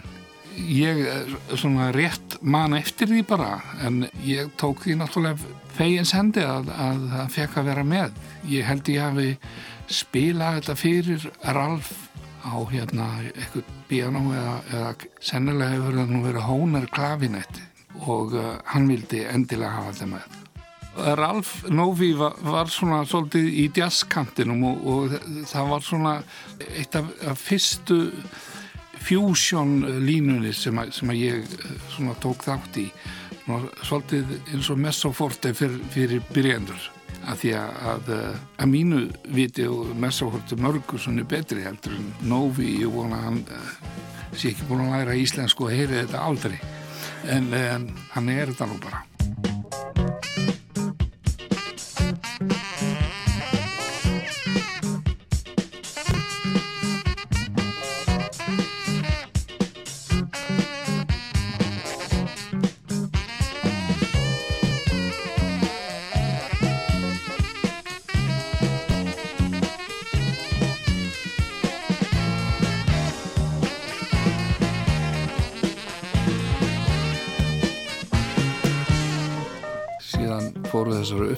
koma og, og þeim fjölgaði og, og það var svona ákveðin grúpa af fólki sem alltaf var ringtin í. Mikið sömu trommararni, mikið sömu gítalegarni, bassarni, þú veist. Það voru svona þrjú fjögur stúdjó í München sem voru sko bara á, í daglegum rekstri. Þannig að, að það var nóg fyrir okkur að gera og við bara kerðum á, á, á milli og í, frá, í upptöku úr einnu upptöku í aðra og svo framvegs there when tomorrow sets the test for desert fair? And we'll find out that the visions that we've shared was just nightmares of a monster. Árið 1974 var Þóri mættur í stúdíó með henni virtu framhástefnulegu þýsku krautrock hljómsveit Amandu sem var að taka upp sína sjöundu hljóðursplötu Hijack og við heyrðum brot úr uppafslægi plötunar I Can't Wait. Amandu var eina af hljómsveitunum sem talin er hafa komið krautrockinu á stað í Þýskalandi. Meðal annara hljómsveitar sem voru áberandi í krautrock-senninu í Þýskalandi á 7. og 8. áratögnum voru Kraftwerk, Kahn og Tangerine Dream. Þetta voru miklir hipar og, og ævintýramenn, Amondul. Ég spilaði með þeim bara, ég mætti í, upptöku og, spilaði með þeim á, á Fender Rhodes, einhver lög. Ég var með þeim í, í uh, einhverju sjónvarsupptöku líka, sko, í kjálfar blötunar. Ég var meðlumur í einhver smá tíma nokkra vikur. Voru þetta skröldliðin ángar? Já, það voru það. Það voru miklir hipar. Það var mikið reykt í Þýskalandi í, í stúdíónum. Það var bara upp á borðum, það var engin að fela nýtt. Og allra síst þessir gæjar. Þetta var frekar frjálslegt. Sko. Þótti engum neitt tiltökum mál. Það var engin að neiksla á því. Það var bara...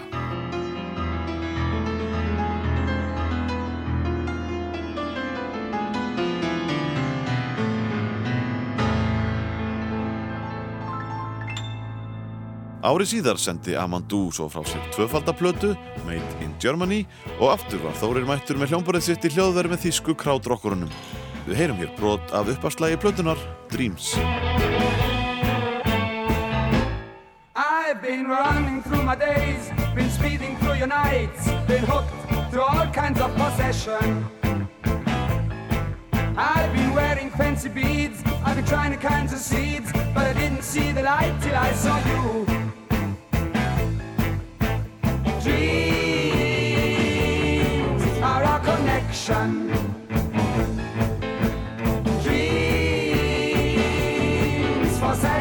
Satisfaction.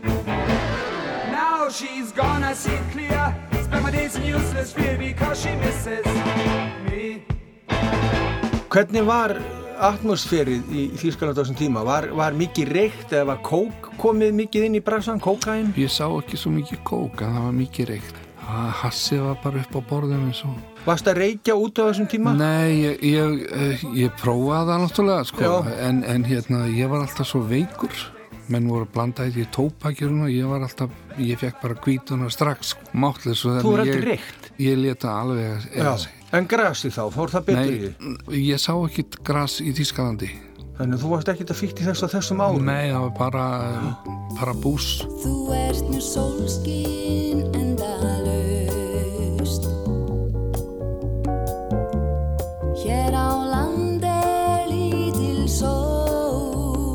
Undir lokásins 1974 kom sýstir Þóris, Marja Baldursdóttir, í heimsókn til að taka upp sína fyrstu sólaplötu. Þetta er alltaf indislegt að fá sýstu sína í heimsókn. Kom með, með uh, rúnari og uh, við gerðum þarna eina plötu. Já, ég, man að við tókum hérna You are the sunshine of my Stevie. Þessi fyrsta sólaplata Marju fekk nafnið Vökudraumar og kom út fyrir jólið 1974. Útgáðu fyrirtæki Gunnars Þorðarssonar og Rúnars Júliussonar hljómar útgáfa gaf plötuna út. Frægasta lægið á plötunni er Eldúsverkin eftir bandaríska tónlistamannin Alan O'Day. Lægið hétt eins og er Real Emotion í upphaflegu útgáfinni sem kanadíska söngkunan Amurray gaf út á plötunni Love Song í byrjun ás 1974. I can't think of nowhere to go. I spent a lot of time at the show. And when I'm sitting Íslenska textan við eldursverkin gerði hins vegar Þorstein Eggertsson sem samt í texta við nýju af tíu lögum plötunar. Mér leiða svo eldursverkin Er ég í mig einn ef ég verð of sein til að elda ég fíla minn elda við Eldursverkin Ég veit að ég verð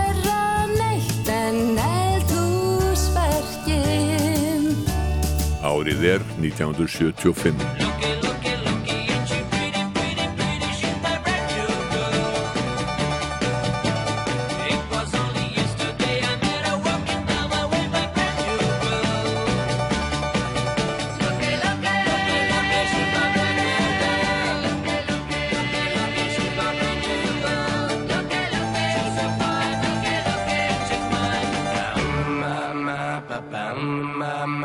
Ítalski upptökustjórin Giorgio Moroder var að hasla sig völl í munn hérna á þessum tíma og hafði komið sér upp hljóðveri í borginni. Giorgio hann byggði þetta stúdíó í, Arabella hótelinu sem hann kallaði Musicland og það fjármagnaði með, með lægi sem hann hefði samið og varð hitt, var eitthvað svona kúlutyggjó lag. Hann fekk fyrir þetta eitthvað miljón þísk mörg frá uh, hérna útgefanda og það notaði hann til þess að koma sér upp þessu stúdíu og þessari aðstöðu sem var hann í Arabella hótelinu. Hann var bara partur af þessu uh, pródusenda tími sem var í Mutjan þannig að þannig kynntist í honum. Bandaríska söngkonan La Donna Adrian Gaines tók þátt í uppfærslu á söngleiknum Hárinu í München í lok 7. áratugurins. Hún tók sér nafnið Donna Summer eftir að hún setti stað í Austuríki í upphafi 8. áratugurins en flutti svo aftur til München skomu síðar og vann fyrir sér sem bakrætarsönguna og fyrirsæta þegar hún kynntist Giorgio Moroder. Hún hafði reynda sendt frá sér eina soloplötu þegar þarna var komið sögu en svo hafði einungis komið út í Hollandi og ekki vakið mikla aðtikli. Hún var bakrætarsönguna, bara mjög vinsæl sem slíka því hún var svo góð, var með þetta sound sko. Moroder hann sá þarna tækifari í donu og byrjaði að pródúsera með henni lög sem að hluta til ég útsetti og, og spilaði. En það má geta þess sko að Donna, hún var uh, partur af hópi sem kom frá bandaríkjunum og flutti söngleikin Her, Hárið. Hún kynntist austuríkismanni sem hétt Sommer, giftist honum og þaðan tók hún upp nafnið Donna Summer.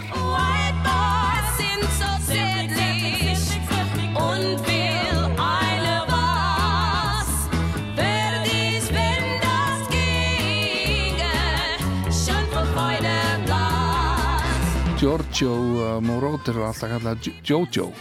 Hann var þá farin að vinna með uh, breskum félaga sínum Pete Bellotte sem var samt í alltaf textana. Þeir uh, pródúsiruðu Donnu saman, okay. þessi tveir gæjar. Og um, þeir A gerði tilraun með, með eitt lag fyrst sko sem að, að náðu nú ekkert sérstaklega langt í um, Evrópu. Það var ekki fyrir en lagið Love to Love You Baby sem að því miður ég var ekki, ekki á, er ekki ábyrgu fyrir en uh, það var einn sem kveikti á því í, í bandaríkjónum sá sem áttu Casablanca rekord hann kveikti á því og það var það sem að kom henni á korti sko.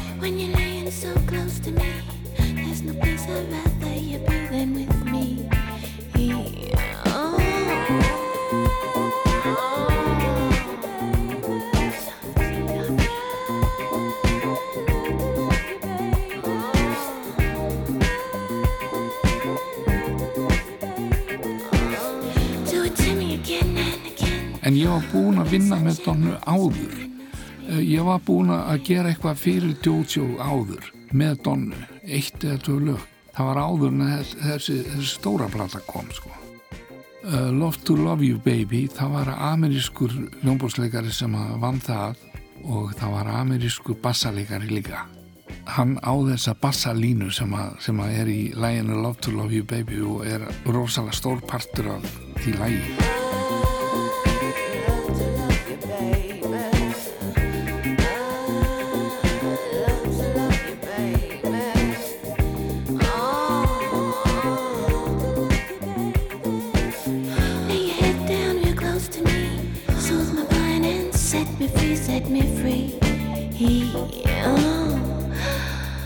nema þetta lag kom Donnu á kortið í, Ameríku þau hún stundir svo fallega og svo náttúrulega var hún frábær söngur ég ætla ekki taka það af henni Love to Love You Baby kom út á samnefndri breyðskifu haustið 1975 og um leið hófst undibúningur nýrar Donu Summer plötu þar sem Þóri Baldursson leik stort hlutverk. Platan A Love Triology var gefin út 5. mars 1976. Þórir útsetti strengi á plötunni og þeir voru meðal annars áberandi í 18 mínútan löngu lægi Try Me, I Know We Can Make It sem fylgti að hlið vínilplötunar og gerði góða hluti á diskotekum við svörum Evrópu.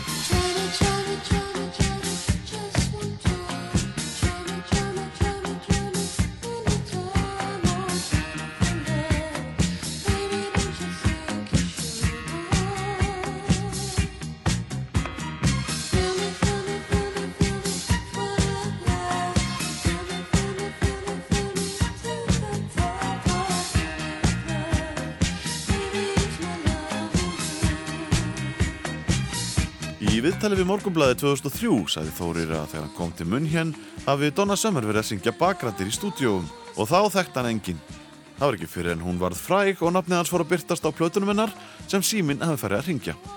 Eitt lagana á þessari þriðju plötu Donna Summer var Could It Be Magic sem höfundurinn, bandaríski tónlistamæðurinn Barry Manilow hafði tekið upp og gefið út á smáskífu árið 1973. Auk þess að útsetja strengi á allri plötunni sá Þóri Baldursson algjörlega um útsetningar á læginu Could It Be Magic og fekk mikið hrós fyrir.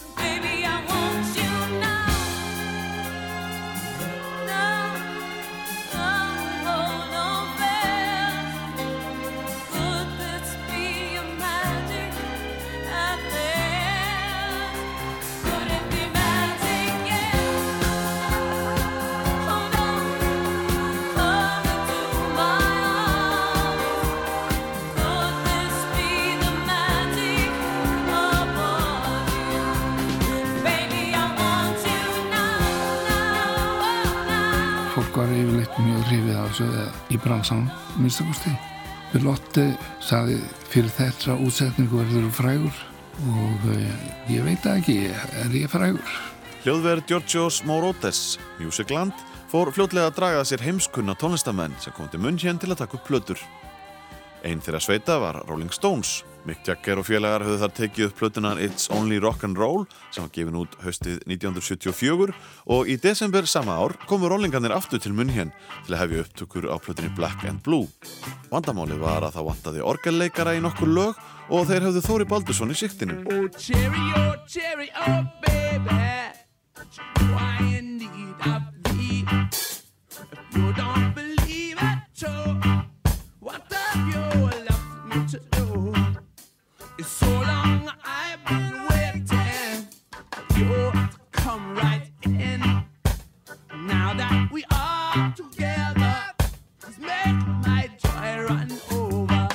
Sko Rolling Stones og bílarnir voru bara með tvo keyboardista með sér yfirleitt. Það var Nicky Hopkins, englendingur og Billy Preston frá Ameríku og þannig vildi til að um, steinarnir voru mættir í Musicland til þess að taka upp og Korki Billy Preston nýja Nicky Hopkins gáttu komið. Þeir voru uppteknið við eitthvað annað. Þannig að upptökumar var búin að nefna við Mick Jagger hvort það ætti ekki að fá mig bara í staðin. Ég væri þarna í munnkjarn og orgelífint var þarna og svo framvegis. Og Mick var búin að samþykja þetta. En þá á síðustu stundu meldaði Billy Preston sig sagðist geta komið og auðvitað fauk ég þá út um gluggan. En um, þeir legðu bara að mér orgeli í staðin. Það var þetta smá þátt í. Já, þetta er smá þátt. og hérna, það kom, svo ég sagði einhvern tíma frá þessu hérna blaðaviðtali og, og þá var fyrirsögnum ég spilaði næstum því með Rolling Stones. Mér fannst það svolítið leðileg fyrirsögn. Ég verði að segja það alveg svo er. Fjölmargar aðrar heimsfrægar hljómsveitir hljóðrituðu plötu sínan í Musicland, til dæmis Deep Purple, Iron Maiden, Mark Bolan og T-Rex, Rainbow, Led Zeppelin, Queen og Electric Lights Orchestra. En hvað var það sem dróð þessar stóru hljómsveitir að hljóðurinn í munn hér? Ég ger ráð fyrir því að það séu bara artistarnir sem að taka þarna upp. Ef að þeir ná árangri þá er nafn stúdiósins greinilegt á, á blöðunum og eða soundarflott þá fá menna áhuga. Við ættum kannski að fara þangað og taka upp. Það er hótel, einfalt mál, fara í stúdióið hótel og fínt og munn sér náttúrulega bara eins og klift út um myndablaði sko. Íslenskir tónlistamann höfðu lítið frétt af afregum Þóris eftir hann fluttist af landi brott í byrjun ás 1970 en á saplötunni eitthvað sætt sem hljóma útgáfan gaf út fyrir jólin 1975 átti Þórir tvö lög. Annað þeirra kallast Þýmið og Kvenmans nafnið Jónína var í svega en þar fekk landin insýn í hvers konar tónlist Þórir hafði unnið frá því hann setti stað í munn hér.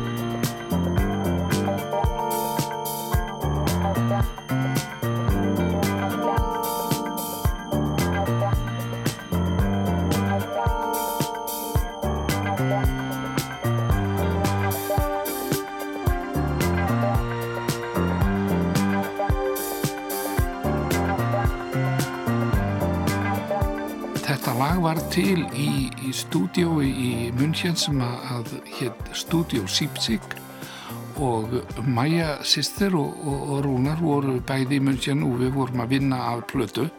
Þeir eru plötu sem að, að þetta lag er á. Þetta er svona rhythm and blues stíl, ekki ósvipað og, og uh, maður heyrir frá Pandaríkjónum uh, Barry White stílinn. Lægið átti Þóri svo eftir að nota þremur árum síðar á plötu hljóðvers sveitarinnar Gas og þá nefndist það Interstellar Lofafer.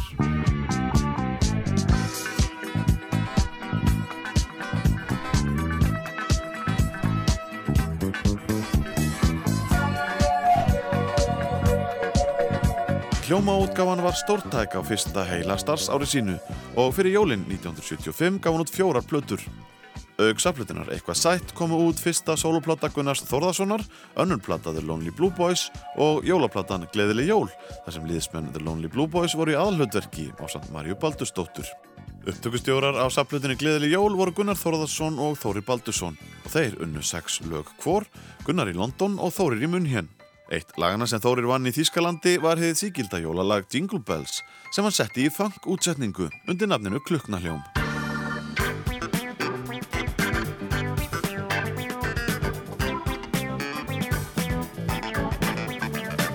Klukknahljóm. Funk-músík var í hávegum höfð á þessum árum. Þetta var bara tilrönd til þess að, að, að gera þetta lag funky. Sænski gítalegarinn Mats Björklund vann með Þóri að Jingle Bells og fleiri lögum á plötunni. Í viðtalið við okkur sagðan að Þórir væri einna bestu tónlistamönnum sem hann hefði spilað með á ferlinum og hann var heldur betur sáttur við þessa funkuðu útsetningu Þóris á þessu fræga jólalagi. Thor's one of the best musicians I've ever played with, and my first impressions of him was at the Union Studios upstairs with Mal Luker as an English uh, sound engineer, who also uh, done some work with Hans Zimmer lately. And he played me Thor's and Keith Force's, Keith Force, the drummer and uh, the producer.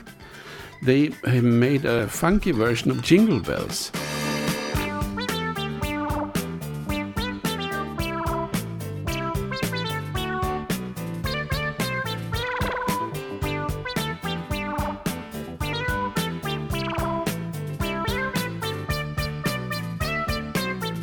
and that was such a groove and that was the best sounds I've ever heard in a studio I was just Mats Björklund var ánaði með grúfið í klukknahljóm og sagði að hljómurinn hefði verið eitt svo besti sem hann hefði heyrt í hljóðveri, reynlega stórkostlegur. Árið er 1976. Niður á Kanaríeyjum var allt fullt af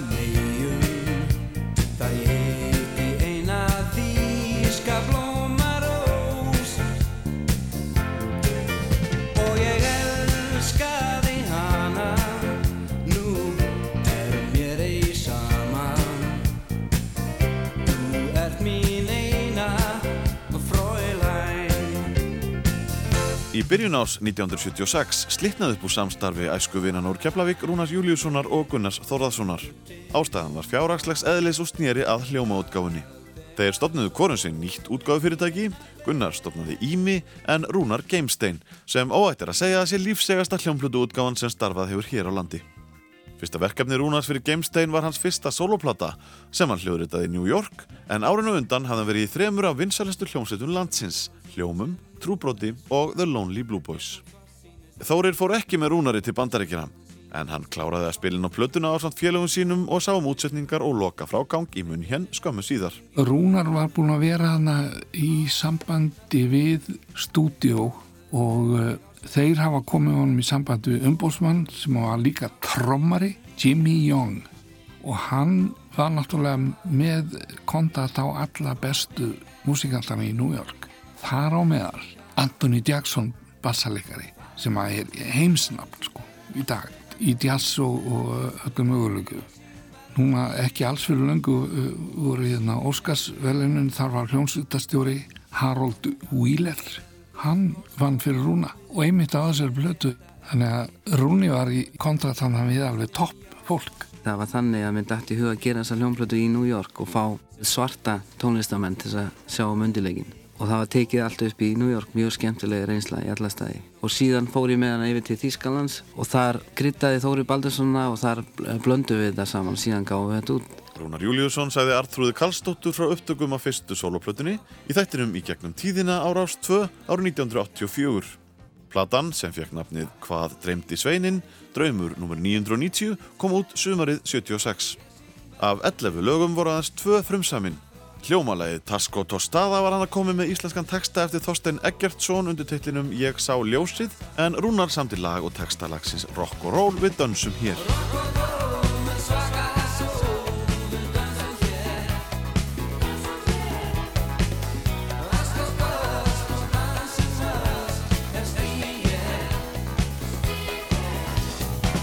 Eins og komið við fram fekk Rúnar til liðsvisi frábæra sessjóntónlistamenn í New York og þar fór fremstur í flokki bassalegarinn Anthony Jackson sem á glæsilega ferilskrá allt frá Stíli Dan til Madonnu auk þess sem hann var í hljómsveit Simons og Garfunkel á frægum tónleikum þeirra í Central Park árið 1981 svo fátt eitt sér talið. Það var svo gott grúfi í þessari upptöku og þarna var náttúrulega alveg brjálaðislega góðu bassalegari Anthony Jackson. Og það er eitt solo þarna sem að menn geta nú alltaf endur tekið það er alveg óbúslega alveg ég veit ekki, ég hef ekki heilt neitt náði og við höfum reynd sko. Við, við höfum reynd að, að, flytja þetta aftur og, og það er engi bassalega sem bara nærð þessu.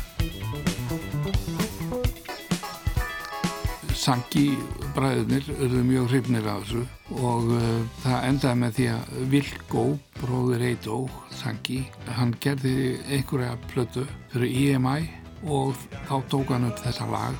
Þá hétta ekki lengur rock'n'roll við dönsum hér heldur Silfurskotnir. Die Silbersjúe við gehen tanzen. Og við höfum alltaf að tala um þetta sem Die Silbersjúe Wir tanzen durch die ganze Nacht. Und du nur, was uns Freude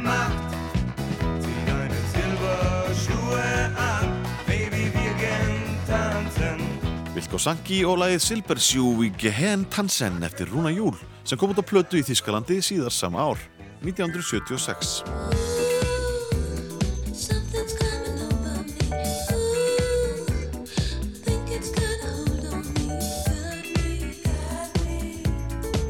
Þú ert að hlusta á Rás 2 og við erum að fjalla um tónlistaferil Þóris Baldurssonar í tilefni af 60 ára starfsamæli hans og við erum komin að haustinu 1976 þegar Donna Summer var komin í hljóðver á ný. Allt kapp var lagt á að klára plötu sem átt að koma út í oktober og sem fyrir voru það Giorgio Moroder og hans hæri hönd Pete Bellotti sem stjórnuðu upptökum og sömdu lögin á samt Donnu. Þóri Baldursson útsetti plötuna og sá alfarið um strengja útsetningarnar. En hvernig lýsir Þórir samstarfinu við Bellotti og Moroder? Pete Bellotti, hann samti textana og Moroder samti laglínutnar. Hann var svona eins og menn kölluðu átt whistling composer sko. hann flautaði lagið og það átt hana en um, það sem að gerði það að verkum að Donna vildi alveg absolutt vinna áfram með mér var það að ég fekk nokkur svona lög frá Moroder flautuða blístru eða, eitthvað eða trölu og ég gerði síðan demo með undirleik sko og þá var komin texti frá Bilotte og um, ég söng líka laglínunar á demónur. Fór í stúdíó til að gera þetta Argo stúdíó þetta tókst alveg rosalega vel. Já það vel að blötu fyrirtæki Casablanca keipti þessu lög og vildi gefa allt út. Og ég sá um það. Væri þá ekki raun eðlilegt að Þóri Baldursson fengi hlutdæld af stefgjöldum á öllu þessu efni sem hann vann fyrir Giorgio Moroder og Donnu Summer? ég var alltaf æðislega sofandi fyrir mínum réttindum Ég sá aldrei peningana sem voru í þessu. Ég var svo á bóla kafi bara í tónlistinu, bara komst ekkert annað að hjá mér. Hvernig leysi ég þetta eða hitt? Þannig að þetta satt á hakanum og gerir enn. Hvað eðlilega áttur þú skilið?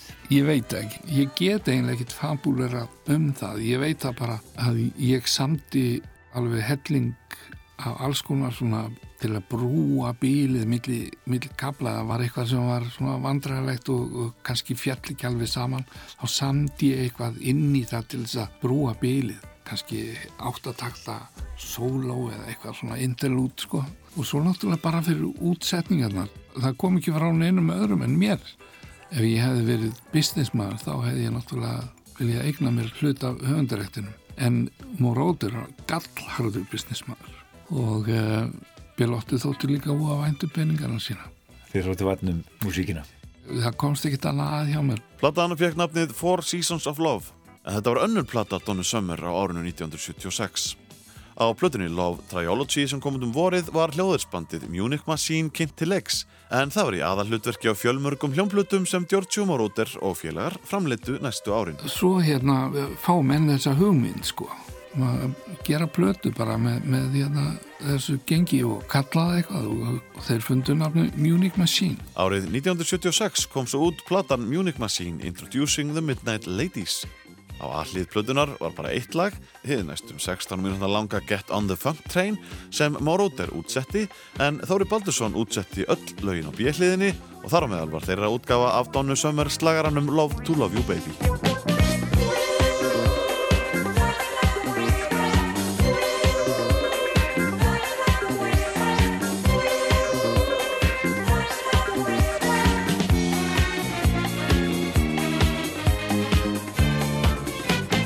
Bakrata sönglokkurinn Midnight Ladies gerði plötuna með Munich Machine en hann skipuði bresku sýsturnar Sue Glover og Sunny Leslie og bandaríska sálarsöngunan Madeleine Bell. Þóri Baldursson var hljómsveitastjóri í Munich Machine og valdi þá hljóðfarleikara sem spiliðu með honum. Bassarleikarin Les Hurdle segir frá. Musically, I would say he was. In those days, of course, there was a lot of input from everybody, really. Um, but uh, I would presume that if one has to put a leader, it has to be Giorgio, because I guess he was the producer. But certainly, in terms of what went on in the studio, um, Toro was, was, in my opinion, in charge. I, I didn't didn't know anything else. I mean, that was it. Ég útsett alltaf. Auðvitað er þetta alltaf samvinna líka. Þetta er ekki bara einsmannsverk. Ég var hægri hönd Moroders í þessum málum, í músiklega sko. Hann treysti mjög mikið á mig og þetta voru mínir menn. Þannig ég vildi hafa þá í upptökum og uh, þannig var það bara. Alveg frá því ég man eftir mér í öllum hljómsveitum sem ég var í þá hef ég verið að skrifa upp hljóma fyrir þá sem spila með mér. Þetta er eins og sá sem getur aldrei þagað sko. Þannig að ég, ég er alltaf að tjá mig um þetta, nei, er ekki þessi hljómur eða þú veist. Ég held að það hafi nú bara verið út af þessari áráttu hjá mér að ég leitist út í þetta að skrifa líka og útsetja. Og uh, það vatt bara upp á sig ekki bara hljómanir heldur strengja útsetningarnar blásara útsetningarnar já, svona bakrættir stundu. En hvaða hljóðfarleikara voru þetta sem skipuðu með honum Munich Machine? Keith Forsey, hann bjó í München ennskur trómari var alveg típiskur svona ennskur humoristi og frábær trómari hann endaði síðan með því að flytja til Los Angeles þar sem við vorum fartin að vera ansi mikið. Og hann settist þar að hann Keith og uh, varð síðan setna mér producent Billy Idol. Og hann samti bæði fyrir Billy Idol White Wedding er eitt af þeim. It's a nice day for a white wedding. It's a nice day to start again. og eitthvað annar lag fyrir, fyrir Simple Mind sem ég man ekki hvað heitir en bæði þessu lög eru gríðalega stór og uh, nú siglir hann bara um á sinni skútu og hefur það náðist í uh, Kaliforni Don't you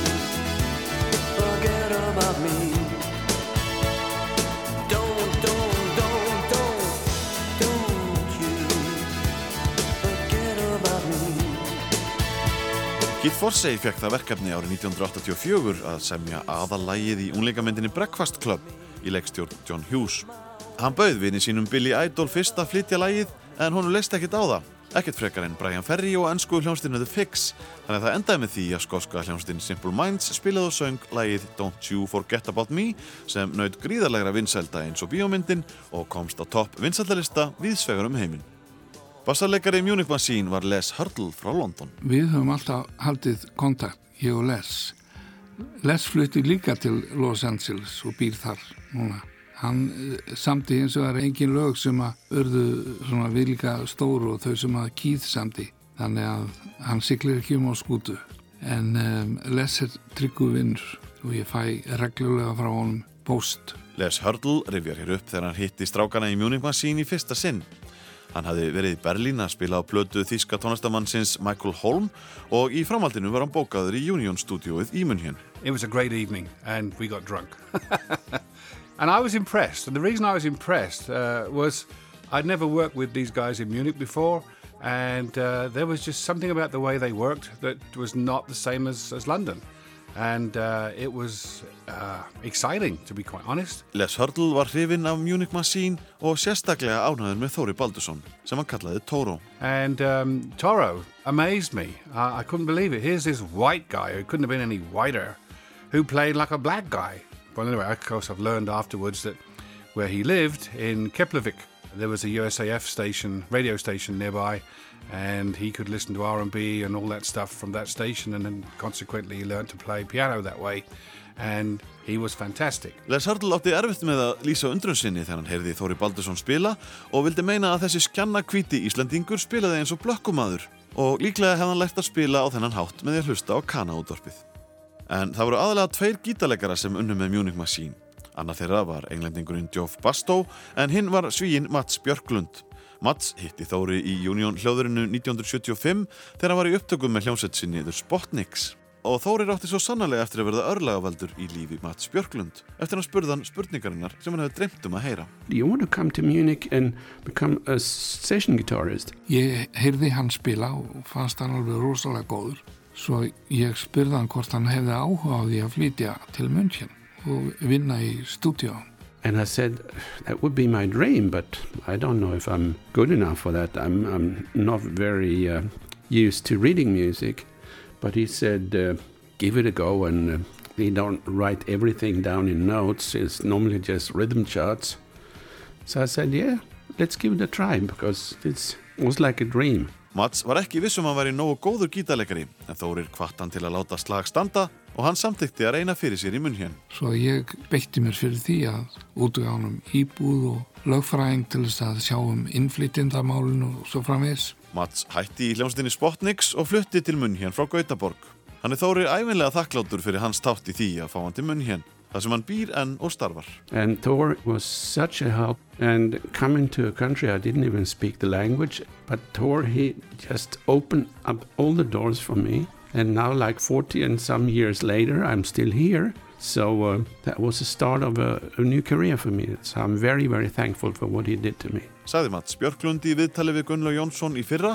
Hann rætti líka við annan náinn samstarfsmann Þóris, Les Hurdle, sem sagði ótrúlegan mun á tónlistasennu í munn hér og í Breitlandi. Launin í Þýskalandi voru tvísvar til þrísasunum hærri en Les hafði fengið í Englandi og aðbúnaðurinn miklu betri í alla staði. The pay compared to England was unbelievable. It was two, three times more than what we ever got in England. And we got treated like human beings, which it didn't happen in England. It was just unbelievable. And it didn't matter if you were working for Giorgio or Kordelich or any of those guys. You were treated like a human being. Þá er þessi fyrir hluti umfyllunar um 60 ára tónlistaferið Þóris Baldurssonar senn á enda. Gunnlaugur Jónsson aflaði heimilda og tók viðtöl en ég heiti Ásker Eithórsson og við félagarnir sáum um dagskrárgerð og samsetningu. Setni hlutin verður á dagskrá á sama tíma á morgun hér á Rás 2 og meðal þeirra flytjenda sem kom við sögu í setni hluta þáttarins og tengjast Þóri á einn eða annan hátt eru Bóni M, Björgun Haldursson, Donna Summer, Bubi Mortens, Grace Jones, Elton John, Gammar, Russell Stone, Kvarasi og Guskus. Í september 1976 skrapp Þórir til Íslands til að fara í tveggjaveikna tónleikaferð með hljómsveitinni The Lonely Blue Boys þar sem hann spilaði á hljómborð. Þórir fór svo til bandaríkjana með rúnar í júliu sinni til að hefja upptökur á fyrstu plötu hljómsdarinnar Gamesteins sem hann kláraði í munn hér skömmu síðar og platan var útgefin fyrir jólin 1976. Við endum þennan fyrir hluta á læginu Hvað ætli það sé sem Þóri Baldursson samdi fyrir Rúnar Másinn og Maríu sýstu sína fyrir fyrstu plötu Gemsteins sem var samnefnd hljómsveitinni. Ef þið viljið heyra meira þá bendum við ykkur á hlaðvarsútgáfu þáttarins á rúf.is þar sem bóður upp á heilan helling af aukaefni sem ekki komst fyrir í þættinum í dag. Takk fyrir að hlusta.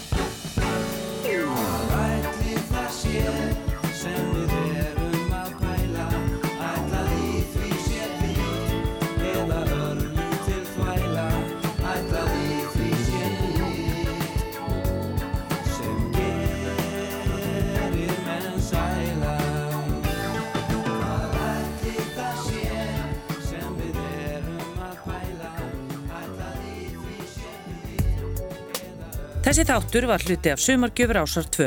Þú getur nálgast fleiri þætti úr safnir ásar 2 í spilaranum á rúf.is, í rúf appinu fyrir snjalltæki og öllum helstu hlaðvarpsveitum.